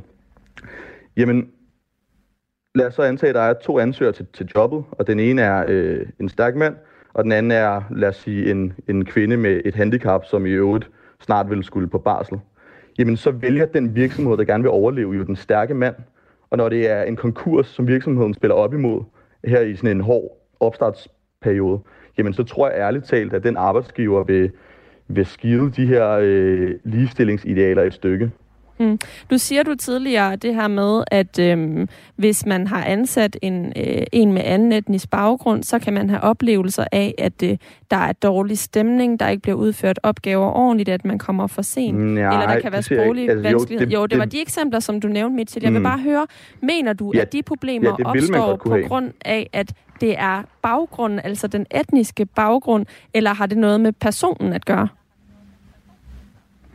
Nå, men altså, jeg siger jo ikke, det er noget, jeg oplever, men jeg siger bare, at hvis den enkelte ejer af en lille virksomhed har haft den her oplevelse med indvandrere, sådan overordnet set, jamen, så forstår jeg godt, at han ikke øh, har lyst til at ansætte flere. Og det er også det, jeg, jeg siger, eller jeg har sagt tidligere. Det er ikke, hvor man kommer fra i sig selv. Det er ikke etniciteten eller hudfarven i sig selv. Det er ikke religionen eller kønnet i sig selv. Men det er den erfaring, som ejerne har med de praktiske konsekvenser deraf, der er problemet. Men, men du trækker jo netop på erfaring. Hvis man har haft en erfaring, en enestående oplevelse, hvordan kan man så konkludere, at det vil være tilfældet med alle andre, der har samme etniske baggrund? Men, men erfaring er jo ikke udgjort af et tilfældigt, altså en tilfældig oplevelse. Det er jo heller ikke det, jeg taler ind i. Det, jeg har sagt Så du, så du mener er, simpelthen, at hvis man ansætter en indvandrer, hvis, hvis så vil man, man udelukkende have erfaring med de eksempler, du kommer med? Øh, den fik jeg ikke lige fat i. Du mener, at hvis man ansætter indvandrere, så vil man udelukkende få eksempler, øh, erfaringer med de eksempler, som du nævner her. Altså, det er jo dig, der siger, at hvis man har nej, den erfaring... Nej, det har jeg aldrig sagt. Jo, du har sagt, det, at hvis sagt, man, at har, udelukkende vil. hvis man har erfaring nej, med indvandrere... Nej, jeg et hypotetisk eksempel op. Men det må du vel også gøre ud fra en nu, erfaring? Jeg er ikke virksomhedsejer, så det har jeg ikke nogen erfaring med. Okay. Det er også derfor, jeg stiller et hypotetisk eksempel op, og vi kunne også, altså, vi kunne også bruge det samme om alle andre øh, samfundsgrupper. Ja, lad os prøve at gøre det, Mitchell. Oliver. Vestergaard. Hvis mm. vi nu, hvis vi nu vi taler om forskelsbehandling øh, generelt, øh, hvad med køn, handicap, alder eller politisk anskuelse? Hvad, hvad tænker du om den mm. slags? Må man forskelsbehandle i tilfælde som det? Ja, det synes jeg sagtens, man må. Hvorfor? Altså, lad os antage, at, øh, at en, en, en et menneske med et handicap ansøger øh, om at blive øh, taglægger, og ejeren ikke kan stå inden for øh, de sikkerhedsmæssige foranstaltninger, som der skal være, hvis personer har et vis handicap, som gør det sværere at arbejde på et tag, jamen så synes jeg jo godt, at han må forskelsbehandle og vælge en, der ikke har et handicap. Altså det samme gør sig egentlig gældende ud fra politisk anskuelse. Hvis en nazist kommer ind i øh, en hypotetisk virksomhed og beder om et arbejde, jamen så vil jeg da også mene, at det er ejerens fulde ret til at afvise øh, et sådan menneske, altså fordi det kunne komme til at skabe noget dårlig kemi mellem kollegaer eller øh, folk, altså arbejdspartnere, ikke? Så der er sådan en, en hel masse sådan, hvad skal man sige, helt banale, grundlæggende øh, ting, som, som godt vil kunne retfærdiggøre, at man forskelsbehandler. Det bliver bare ofte glemt i sådan en idealistisk samtale om ligestillingsprincipper. Mm. Men hvorfor mener du, at, øhm, at politisk overbevisning eller køn for eksempel vil have en betydning på øh, den stemning, der bliver skabt på, øh, på arbejdspladsen, når det handler om at ansætte ud fra kvalifikationer og jo arbejdsopgaver, der skal løses? Mm, fordi man ikke kan, at man ikke altid kan adskille kvalifikationer og karakteristika. Altså, som jeg også sagde tidligere, så øh, hvis en, en håndværker, vi, vi, altså hvis en virksomhed øh, med, øh, med fire håndværkere øh, er ved at gå konkurs, og de mangler den femte stærke mand, jamen så ansætter man jo ikke den kvinde, som, øh, som snart skal på barsel. Altså, det giver jo sig selv. Ja, det, det, det, den, det, det synes jeg ikke giver sig selv. Det må være en påstand, der står øh, for din øh, egen regning, Mitchell Oliver Nej, men, Vestergaard. Men prøv at høre, det som virksomheder skal gøre, altså de er jo ikke sat i verden til at plise kvinder eller indvandrere eller alle mulige andre grupper. De Virksomheder for skal, har en lov, de skal forholde sig til, Mitchell, og det er en list, øh, hvad hedder det, forskelsbehandlingslov, og man skal ansætte ja, ud fra kvalifikationer. Laver Kvalifikationer mm. har ikke nødvendigvis rigtigt, noget med din derfor. etnicitet eller dit køn at gøre. Når du siger indvandrerbaggrund, så er det jo en meget, meget bred kamp. Nazist er én ting, men indvandrerbaggrund, det er jo en kæmpe paraply, mm. du vælger at tage alle øh, ind under øh, i det tilfælde. Men for nu vil jeg sige tak, fordi du vil være med, Mitchell Oliver Vestergaard, medlem af Dansk Folkeparti. Mange tak. Og hvis du, der lytter med derude, har lyst til at blande dig i den her debat, så kan du altså ringe ind på 72 30 44 44 eller sende en sms til 1424. Vi taler om forskelsbehandlingsloven og om, hvorvidt den egentlig er gavnlig i det her tilfælde, øh, når det kommer til ansættelser, eller om det er noget, vi bør afskaffe.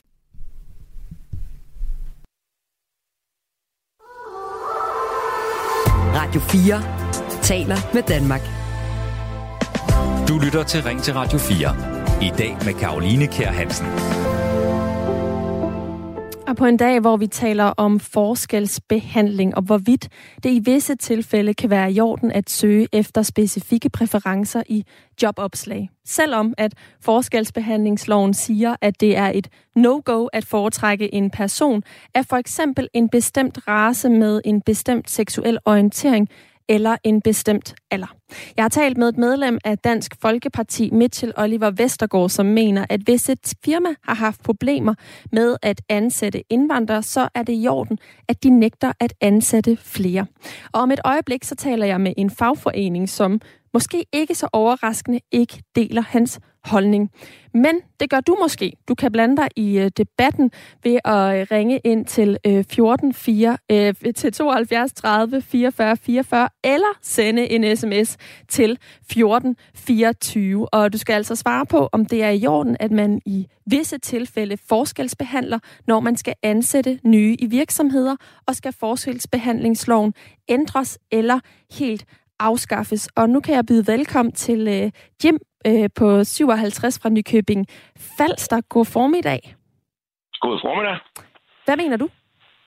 Jamen, jeg mener, at, at øh, loven, den kan jo, øh, den kan jo øh, stå der og, og, og vise ud til, at vi er nogle ordentlige mennesker, som, hvor man ikke må vælge selv. Men virkeligheden er jo en anden. Den person, som sidder i et firma og skal ansætte, om det er en personalchef eller hvem det nu er, der, der tager sig af det job, de vil jo altid vælge ud fra deres eget hoved. Og hvis de sidder og tænker, at nu har jeg fået de her fem ansøgere ind, fordi jeg skal skrive i avisen, at det skal være en MK, øh, øh, hvordan og hvorledes, men jeg vil have en dame, fordi det skal passe ind sådan og sådan, så sidder de, de må bare ikke sige, at de vælger ud, men de vælger jo ud fra deres eget hoved, hvad de kan se, der er fordelagtigt for deres firma. Og du kan, som jeg, som jeg sagde til, da, da, da jeg ringede ind, at vi kan jo tage et firma, vi kan tage mange forskellige firmaer, som vi alle sammen kender, øh, men, men, men hvis vi tager McDonald's, som de fleste danskere har været inde på, og stået i kø i, i, øh, i madkøen der når til op til kassen, og i agtage de fine unge mennesker, der står inde bag ved kasseapparaterne. Det er alle sammen fine, tynde, flotte unge mennesker. Jeg har aldrig nogensinde set en overvægtig eller bumset person stå bag kasselinjen i og betjene i en uh, McDonald's.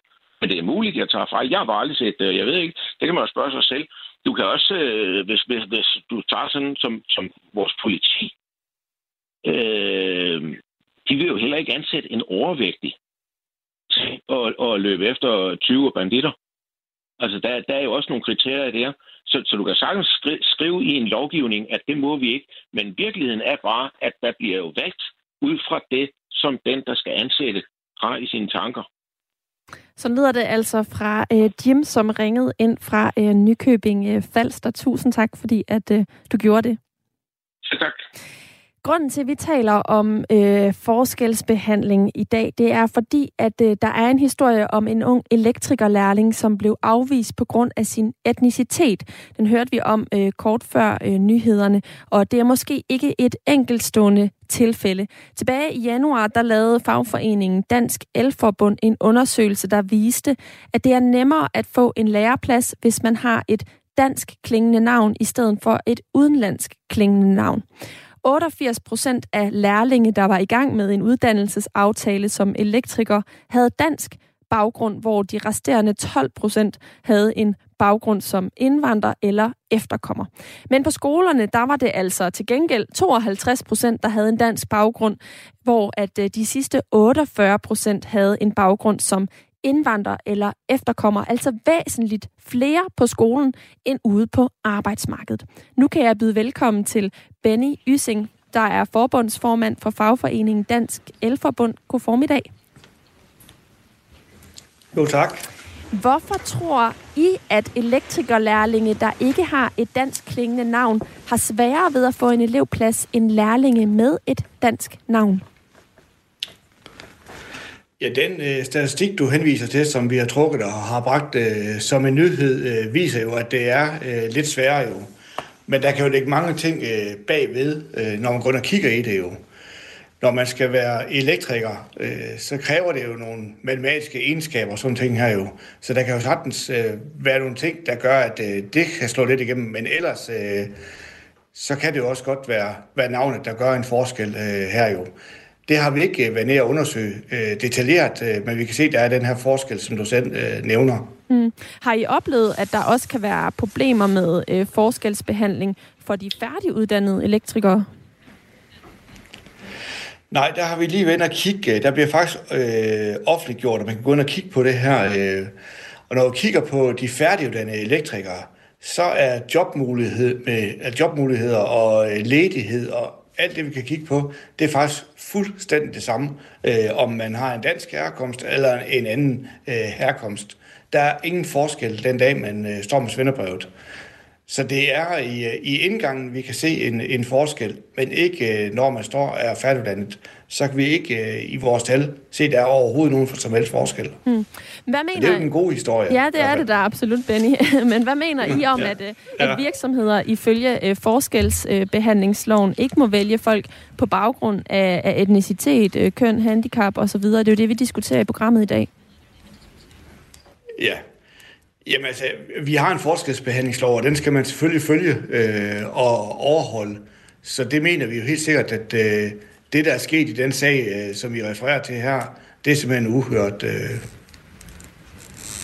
ja. At man, man afviser en med ikke en dansk herkomst på baggrund af de her ting her jo. Og, og hvordan forholder I jer til det? Altså, øh, er det noget, som I mener, vi bør, vi bør simpelthen håndtere øh, på en højere klinge?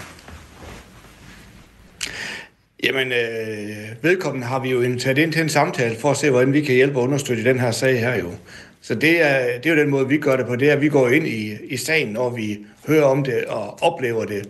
Øh, og jeg vil sige, at det her det er i hvert fald...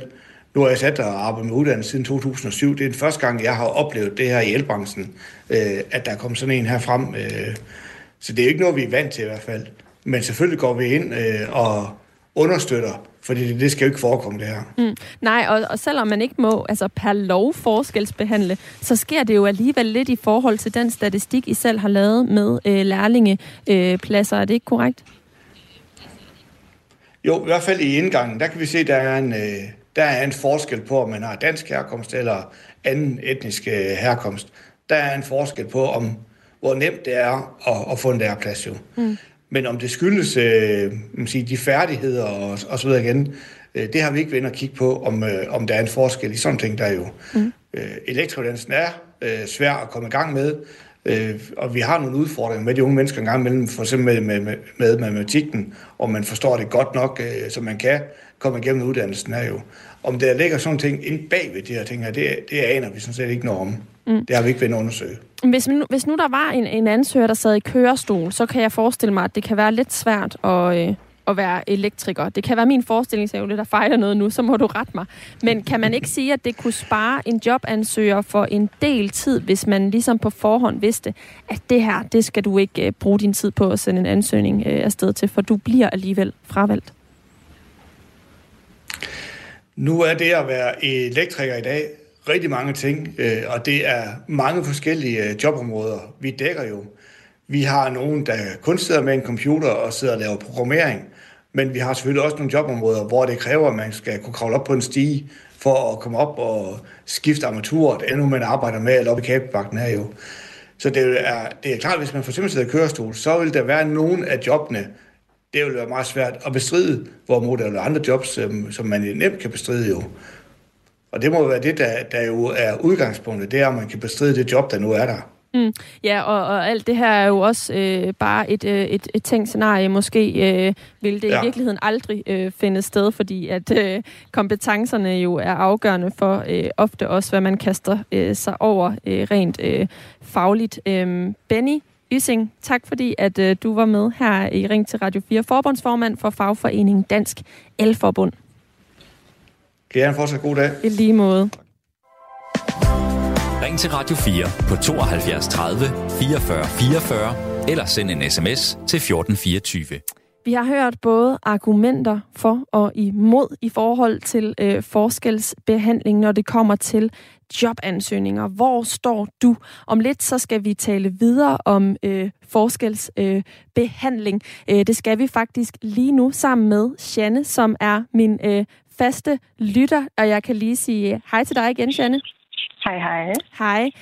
Hvad tænker du om øh, de gæster, jeg har haft på nu? Jeg har både haft Mitchell Oliver Vestergaard på, som er medlem af øh, Dansk øh, Folkeparti, og som mener, at øh, forskelsbehandling i forhold til indvandrere i hvert fald er okay. Og så har vi lige haft øh, Benny på, som sidder øh, som en del af Dansk Elforbund øh, og har altså nogle statistikker, der viser, at det sker, når det kommer til lærlingepladser, men faktisk ikke, når det kommer til øh, arbejdsmarkedet. Er det her noget, der på nogen måde rykker på, øh, på dit synspunkt på sagen? Altså overhovedet ikke. Altså jeg elsker jo, når I tager nogen ind fra Dansk Folkeparti, fordi altså, de har jo generelt en rigtig, rigtig skarpsindig øh, måde at sætte tingene på spidsen. Jeg, jeg elsker, at det, der bliver brugt som eksempel, det er en højgravid kvinde, der skal ansøge til et firma, der er ved at gå konkurs. Det kan være absurd sammenligning. Fordi et, et hver firma, der jo vil tjene penge, vil jo ikke ansætte hende. Men vi snakker jo om, hvordan der er forskelsbehandlet ud fra helt normale kriterier, som i, at man har ADHD, du er ordblind, øh, du har en anden hudfarve. Jeg skriver for eksempel ikke på en ansøgning, hvis jeg skal søge arbejde, at jeg har ADHD, eller at, øh, at jeg øh, har ADHD, ordblind eller talblind. Fordi jeg vil aldrig nogensinde komme til en, en samtale, har jeg erindret. Men hvis når jeg kommer til samtalen, 9 ud af 10 ansættelser, jeg kommer til, bliver altid ansat på grund af min personlighed, hvordan jeg fremstår med mig selv. Jeg synes simpelthen, det er så snæversyn en måde at se verden på, at det skal være ud fra de kriterier. Mm. Men, men de her de, de udfordringer, som du har, Janne, øhm, er det noget, der øh, spiller ind på de øh, kompetencer, du skal ansættes på? Altså er det noget, der rent faktisk spiller ind på, om du vil i sidste ende kunne udføre øh, jobbet? Det er der jo, altså 100 procent. Jeg er jo for eksempel øh, øh, ansat hos Kærling, som er et vikarfirma i hele Danmark. Og det er jo simpelthen fordi, at jeg ved med mig selv, at jeg kan ikke have en fast stilling, hvor jeg arbejder hver dag, fordi så koster mit hoved simpelthen det mit ADHD, der går ind og spiller ind der. Det er noget, jeg har lært om mig selv, og kan se ud fra tidligere erindringer. Det er ikke en særlig god kombo med mig. Øhm, så, så det er helt klart noget, der påvirker meget jobmæssigt. Og det er også derfor, at det kun er 30 procent af voksne mennesker med ADHD, der faktisk er i arbejdsmarkedet, og 30 procent er ikke særlig meget. Resten er arbejdsløse. Men i virkeligheden så fortæller du jo også, at du har søgt job ud fra en selvindsigt omkring dine egne kompetencer og øh, mobilitet på arbejdsmarkedet. Er det ikke øh, det, jeg hører dig sige? Jo, det er det, og det er også det, altså mit, mit råd er ud til i, i verden, i Danmark, det er, at man skal have en selektiv, hvad er din kompetence, hvad er, det, hvad er din styrker, fordi jeg synes jo også, at det er en leders kompetence, at man finder de her styrker i medarbejdere, om de er øh, fra Kina, Japan, øh, Somalia, det er fuldstændig irrelevant. Du skal kunne se, hvordan du kan booste dine medarbejdere, og alle har potentiale. Om de sidder i kørestol, eller om de mangler af ben, eller om de er mørke huden, det er fuldstændig irrelevant. Det handler om at finde det, der får dem til at shine. Mm.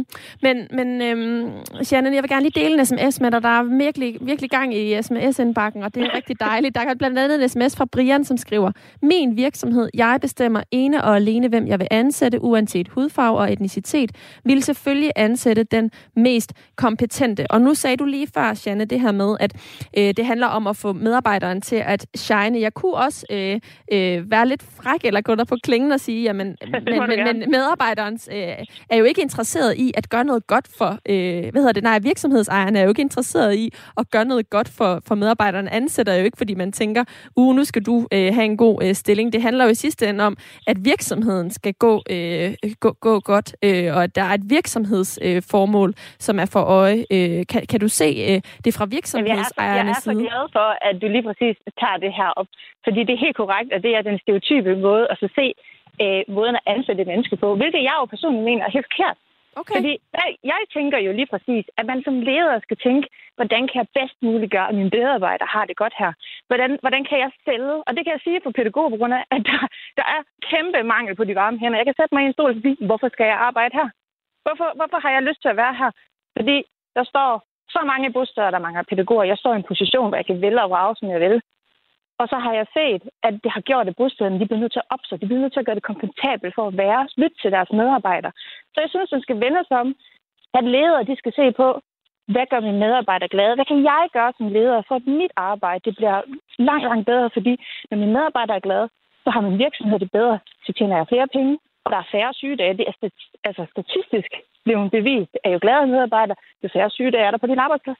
Mm. Men det er jo så efter en ansættelse. Nu taler vi i første omgang øh, om selve ansættelsen. Jeg vil gerne lige dele en anden, øh, anden sms med dig, Janne. Den kommer fra Paul, og han skriver sådan her. Vi har prøvet at ansætte muslimske piger med tørklæde. Ansættelsessamtalerne gik godt, men virkeligheden var en anden, da de tit blev stødte og fornærmet, og ikke ville indrette sig efter forholdene af religiøse grunde. Vi har måttet sige dem op i prøvetiden. Det er tre gange, vi har prøvet det, og gør det ikke mere. Det er altså en anden øh, erfaring, en konkret erfaring med, øh, det er så i det her tilfælde øh, etnisk øh, baggrund. Hvad, hvad tænker du om sådan en erfaring, og om, om spørgsmålet omkring forskelsbehandling? Jamen, jeg tænker, at det er jo det samme, øh, Mitchell han jo kommer ind og så siger, at hvis man har dårlige øh, oplevelser med en specifik målgruppe, så vælger man simpelthen at gå helt uden om den. Øh, jeg har da også datet en masse mænd, der er røvhuller. Det er ikke ens med at blive lesbisk. Altså, det er jo ikke, man kan ikke tage alle over en kamp. Man er nødt til at prøve og prøve øh, at være åbensindet, og det kan være super hårdt, men jeg er nødt til at sige, når der er, at man bliver født ind i livet, det er ikke et betydning at det skal være let. Og, og sådan er det også at være arbejdsgiver. Janne, hæng lige lidt på øh, endnu, fordi jeg skal lige have øh, en øh, lytter på, som har ringet ind til øh, 72 30 44 44. Det kan du også gøre, hvis du vil øh, blande dig i øh, denne her debat, som handler om øh, ligestilling eller forskelsbehandling. Øh, og øh, det er øh, Brian fra Valby, ja. jeg skal tale med nu. God formiddag, Brian. God formiddag. Du har ringet ind, fordi du er øh, blind og gerne vil have mere fokus på ligestilling. Det var faktisk derfor, jeg lige kom til at sige ligestilling, som der står øh, i min chat med min producer, øh, i stedet for forskelsbehandlingsloven. Øh, men det er altså det ord, som, som du bruger. Vil du ikke lige fortælle lidt mere om, øh, om dit øh, udgangspunkt for samtalen her? Fordi forskelsbehandling, det er, at man gør forskel på to mennesker. Hvorimod ligestilling, det er noget andet. Man stiller folk lige på lige baggrund, uanset hvilken hudfarve de har, hvilket handicap de har, om de er kvinder eller mænd. Vi kan heller ikke forskel på, om øh, det er kvinder eller mænd, der skal med i politik. Og det vil sige, det er ligestilling at sætte dem lige for hinanden, og det er et mere positivt ord. Det er mere positivt lavet at sige, at vi giver alle lige muligheder for at få stillingerne uanset hvis det ikke har noget med det faglige indhold at gøre. Mm. Så når jeg i dag spørger, skal forskelsbehandlingsloven ændres eller helt afskaffes, så siger du, ja, den skal ændres til ligestillingsloven. Er det korrekt? Det er fuldstændig korrekt. Og så vil jeg gerne have udvidet begrebet ligestilling. sådan, fordi når ligestilling, så tænker vi normalt på kvinder i bestyrelser. Eller sådan et eller andet med, med kvinder og mænd, ikke? Men ligestilling er jo også at sætte handicap lige over for andre. Jeg kan lave præcis det samme phonearbejde foran en computer, som en seende kan. Det vil sige, at ligestilling er, at handicap, man må ikke forskelsbehandle blinde, almindelige seende, til at være arbejde som phoner, for eksempel. Mm. Nej, og Brian, du er, jo, du er jo blind. Vil du ikke lige fortælle lidt mere om, øh, om dine erfaringer? Har du oplevet forskelsbehandling i forbindelse med, med jobsøgning og ansættelser? Ja, det har jeg. Øhm, altså før jeg blev blind, der var jeg selvstændig. Det vil sige, at jeg har en helt anden baggrund for at forstå arbejdsmarkedet og være selvstændig og kunne arbejde. Øh, også at have ansat, Og nu er jeg blind, og det har så været fem år, seks år og sådan noget.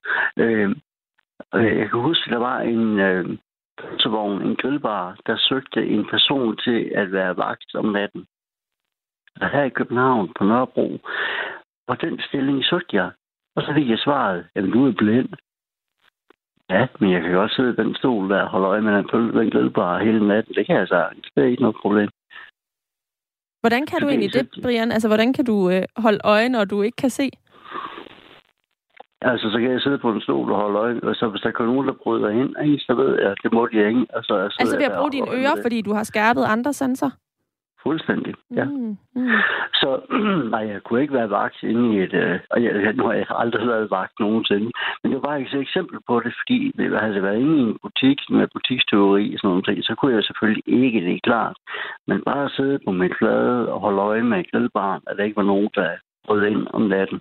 Så du, det kunne jeg godt. Mm. Det havde jeg ikke Så du, du har også kun, du, du har kun søgt job, som du selv har ment, du var kompetent til. Altså, du har været bevidst om dine udfordringer i jobsøgningen, og dermed øh, selekteret øh, blandt de jobopslag, der har været, og altså kun søgt jobs, du, øh, du øh, mener, du er kvalificeret til. Er det rigtigt forstået? Fuldstændig rigtigt forstået. Mm. For vi har, jo, vi har jo talt om sådan nogle lidt hypotetiske scenarier, hvor man netop siger, at man søger et job, man slet ikke øh, kan. Jeg gjorde det selv her i forhold til at være elektriker, der sidder i, i en, øh, en kørestol. Men, men spørgsmålet ja. er, om det overhovedet er tilfældet. At man... I så sætter I præmissen for langt imod hinanden. Altså, du får fat i en dansk folkeparti, som, som øh, er så langt fra virkeligheden. At, ligesom du sætter to yderpoler mod hinanden, der er så langt væk, altså at sige kørestol og forhold til elektriker. Og det er selvfølgelig rigtigt nok. Så, så, så er det jo ikke ligestilling, fordi man kan jo ikke få en mand op af en kørestol på den måde. Men flexjob, støttebeskæftigelse, giver jo muligheden for, at, øh, at en, selv en elektriker i en kørestol kan jo få flexjob sådan, at de arbejdsopgaver, som vedkommende ikke kan, det er understøttet i hans flexjob. Det vil sige, at han har kun flexjob til at udføre de opgaver, vedkommende kan. Brian Fyn fra øh, Valby, 51 år. Tak fordi, at øh, du ringede ind og blandede dig øh, i debatten. Over. Tak og fortalte om dine erfaringer i øvrigt også. Tak for det. Over. Hej. Hej. Og hvis du, der sidder derude og lytter med, har lyst til at blande dig her på falderæbet, så er nummeret 72 30 44 44, og sms'en den er åben på 1424. Og lad os lige tage et blik på den, for der er godt gang i den heldigvis. Der er kommet en sms fra Henrik, som skriver, hvis man som virksomhedsejer fravælger en helt demokratisk demografisk gruppe, er man en dårlig leder, arbejdsudbyder og ejer, og man er idiot. Med venlig hilsen, Henrik. Der er også kommet en sms fra en øh, anonym øh, lytter, der skriver, der vil altid være selektion ved ansættelser. Med undtagelser har kønnene forskellige kompetencer, og det kan en lov ikke ændre. Det er super at tilstræbe en forskelsbehandling, at forskelsbehandling ikke forekommer, men i en pragmatisk virkelighed, hvor penge og værdiskabelse også tæller, er det utænkeligt at udføre i, i livet i virkeligheden. Og øh, det var altså øh, endnu et blik på øh, det her øh, spørgsmål, som vi tager op i dag, som handler om forskelsbehandlingsloven, og den har vi valgt at tage op, fordi der er en historie med en øh, gut, som er blevet øh, fravalgt som øh, lærling, som elektrikerlærling, på grund af sin hudfarve. Jeg spørger altså, er det i orden, at man i visse tilfælde forskelsbehandler, når man skal ansætte nye i virksomheder, og skal forskelsbehandlingsloven ændres eller helt afskaffes? Du kan nå at komme med øh, dit besøg her på øh, falderæbet. Og så kan jeg lige kort vende mig mod Janne, som stadig er på linjen. Er det ikke korrekt? Det er det. Ja. Hvad, øh, vil du ikke lige kort sige her til slut, hvad tager du med dig fra dagens øh, sidste debat? Jeg tager mig faktisk med, at jeg synes, at den brede befolkning har sendt nogle rigtig gode sms'er, hvilket gør mig rigtig glad helt ind i kernen, fordi tit sådan nogle emner her gør, at øh, dem, der har et meget negativt syn på det her, de kommer til tastaturet, og det kan man også se på Facebook og Twitter og sådan noget. Så jeg bliver faktisk rigtig glad af, at, at folk deler den her meget man, altså, mangfoldige opfattelse at der skal være plads til alle. Så jeg er faktisk utrolig positiv over øh, tonen, der er. Så lyder det altså fra øh, Janne, som øh, har været med de sidste 45 minutter, hvor vi har talt om øh, forskelsbehandling. Tusind tak, fordi du ville øh, være det, og fortsat rigtig god dag. I lige måde. Og øh, vi har altså også lige et par sms'er, vi skal nå her, inden vi slutter helt af. Der er blandt andet en fra Leon, som skriver, Jeg er virksomhedsejer, og jeg vil også fravælge dem, som for eksempel er det svage valg for min virksomhed. Så jeg er fuldt ud enig. Og ja, jeg vil også være den, vælge den stærke mand frem for en gravid kvinde med venlig hilsen. Leon, det er en øh, henvisning til øh, en gæst, jeg havde med tidligere, Mitchell Oliver Vestergaard, som er medlem af Dansk Folkeparti, og som opstillede et hypotetisk scenarie om, hvis der var et øh, tømmerfirma, mener jeg nok, at han brugte, så øh, ville man vælge en stærk mand frem for en øh, højgravid øh, kvinde. Jeg har også fået øh, en øh, sms fra Abdul, der skriver, det er typisk dansk at generalisere bare fordi der er en lille gruppe, der ikke kan opføre sig ordentligt eller passe sit arbejde, så betyder det ikke, at alle udlændinge er ens. Med venlig hilsen. Abdul. Og det er altså også noget af det, vi har talt om øh, de sidste 45 minutter, om hvorvidt man kan skære over øh, en kamp om øh, erfaringer med øh, en slags øh, mennesker, der er generaliseret, eller karakteriseret ud fra øh, et bestemt karakteristika, kan øh, sidestilles med andre, der har noget øh, lignende. Det havde vi Paul, der skrev ind på sms, at han havde erfaring med øh, muslimske kvinder, og de, de var ikke gode. Så der sidder nogen, der har forskellige øh, erfaringer derude. Jeg vil sige tusind tak til alle jer, som har lyttet med, og som har skrevet, og som har ringet ind. I dag så har vi både talt om øh, caféer, og hvorvidt det er i orden, at studerende de optager pladser og ikke øh, lægger nok penge i forhold til, hvad de køber, når de sidder der i rigtig lang tid og øh, studerer. Øh, der havde vi en inden, der også sagde, at det var der altså brug for, for der er ikke nok studiepladser. Så har vi talt om øh, mælk, fordi det i dag er 50 år siden, at letmælken den øh, kom på markedet. Og øh, der er altså nogen, der har erfaringer med at skifte fra komælk til øh, plantemælk. Og så har vi nu til slut talt om forskelsbehandlingsloven. I morgen, der er jeg tilbage her og styrer råd i Ring til Radio 4, og vi har aktuelle emner med. Det er klokken 9.05. Lige om lidt, så får du et øh, kort nyhedsoverblik, og på den anden side, der er der vores øh, politiske man- magasin Mandat med Pernille Rudbæk og Thomas Larsen og Mette Frederiksen. Hun er første gæst i dag. Nu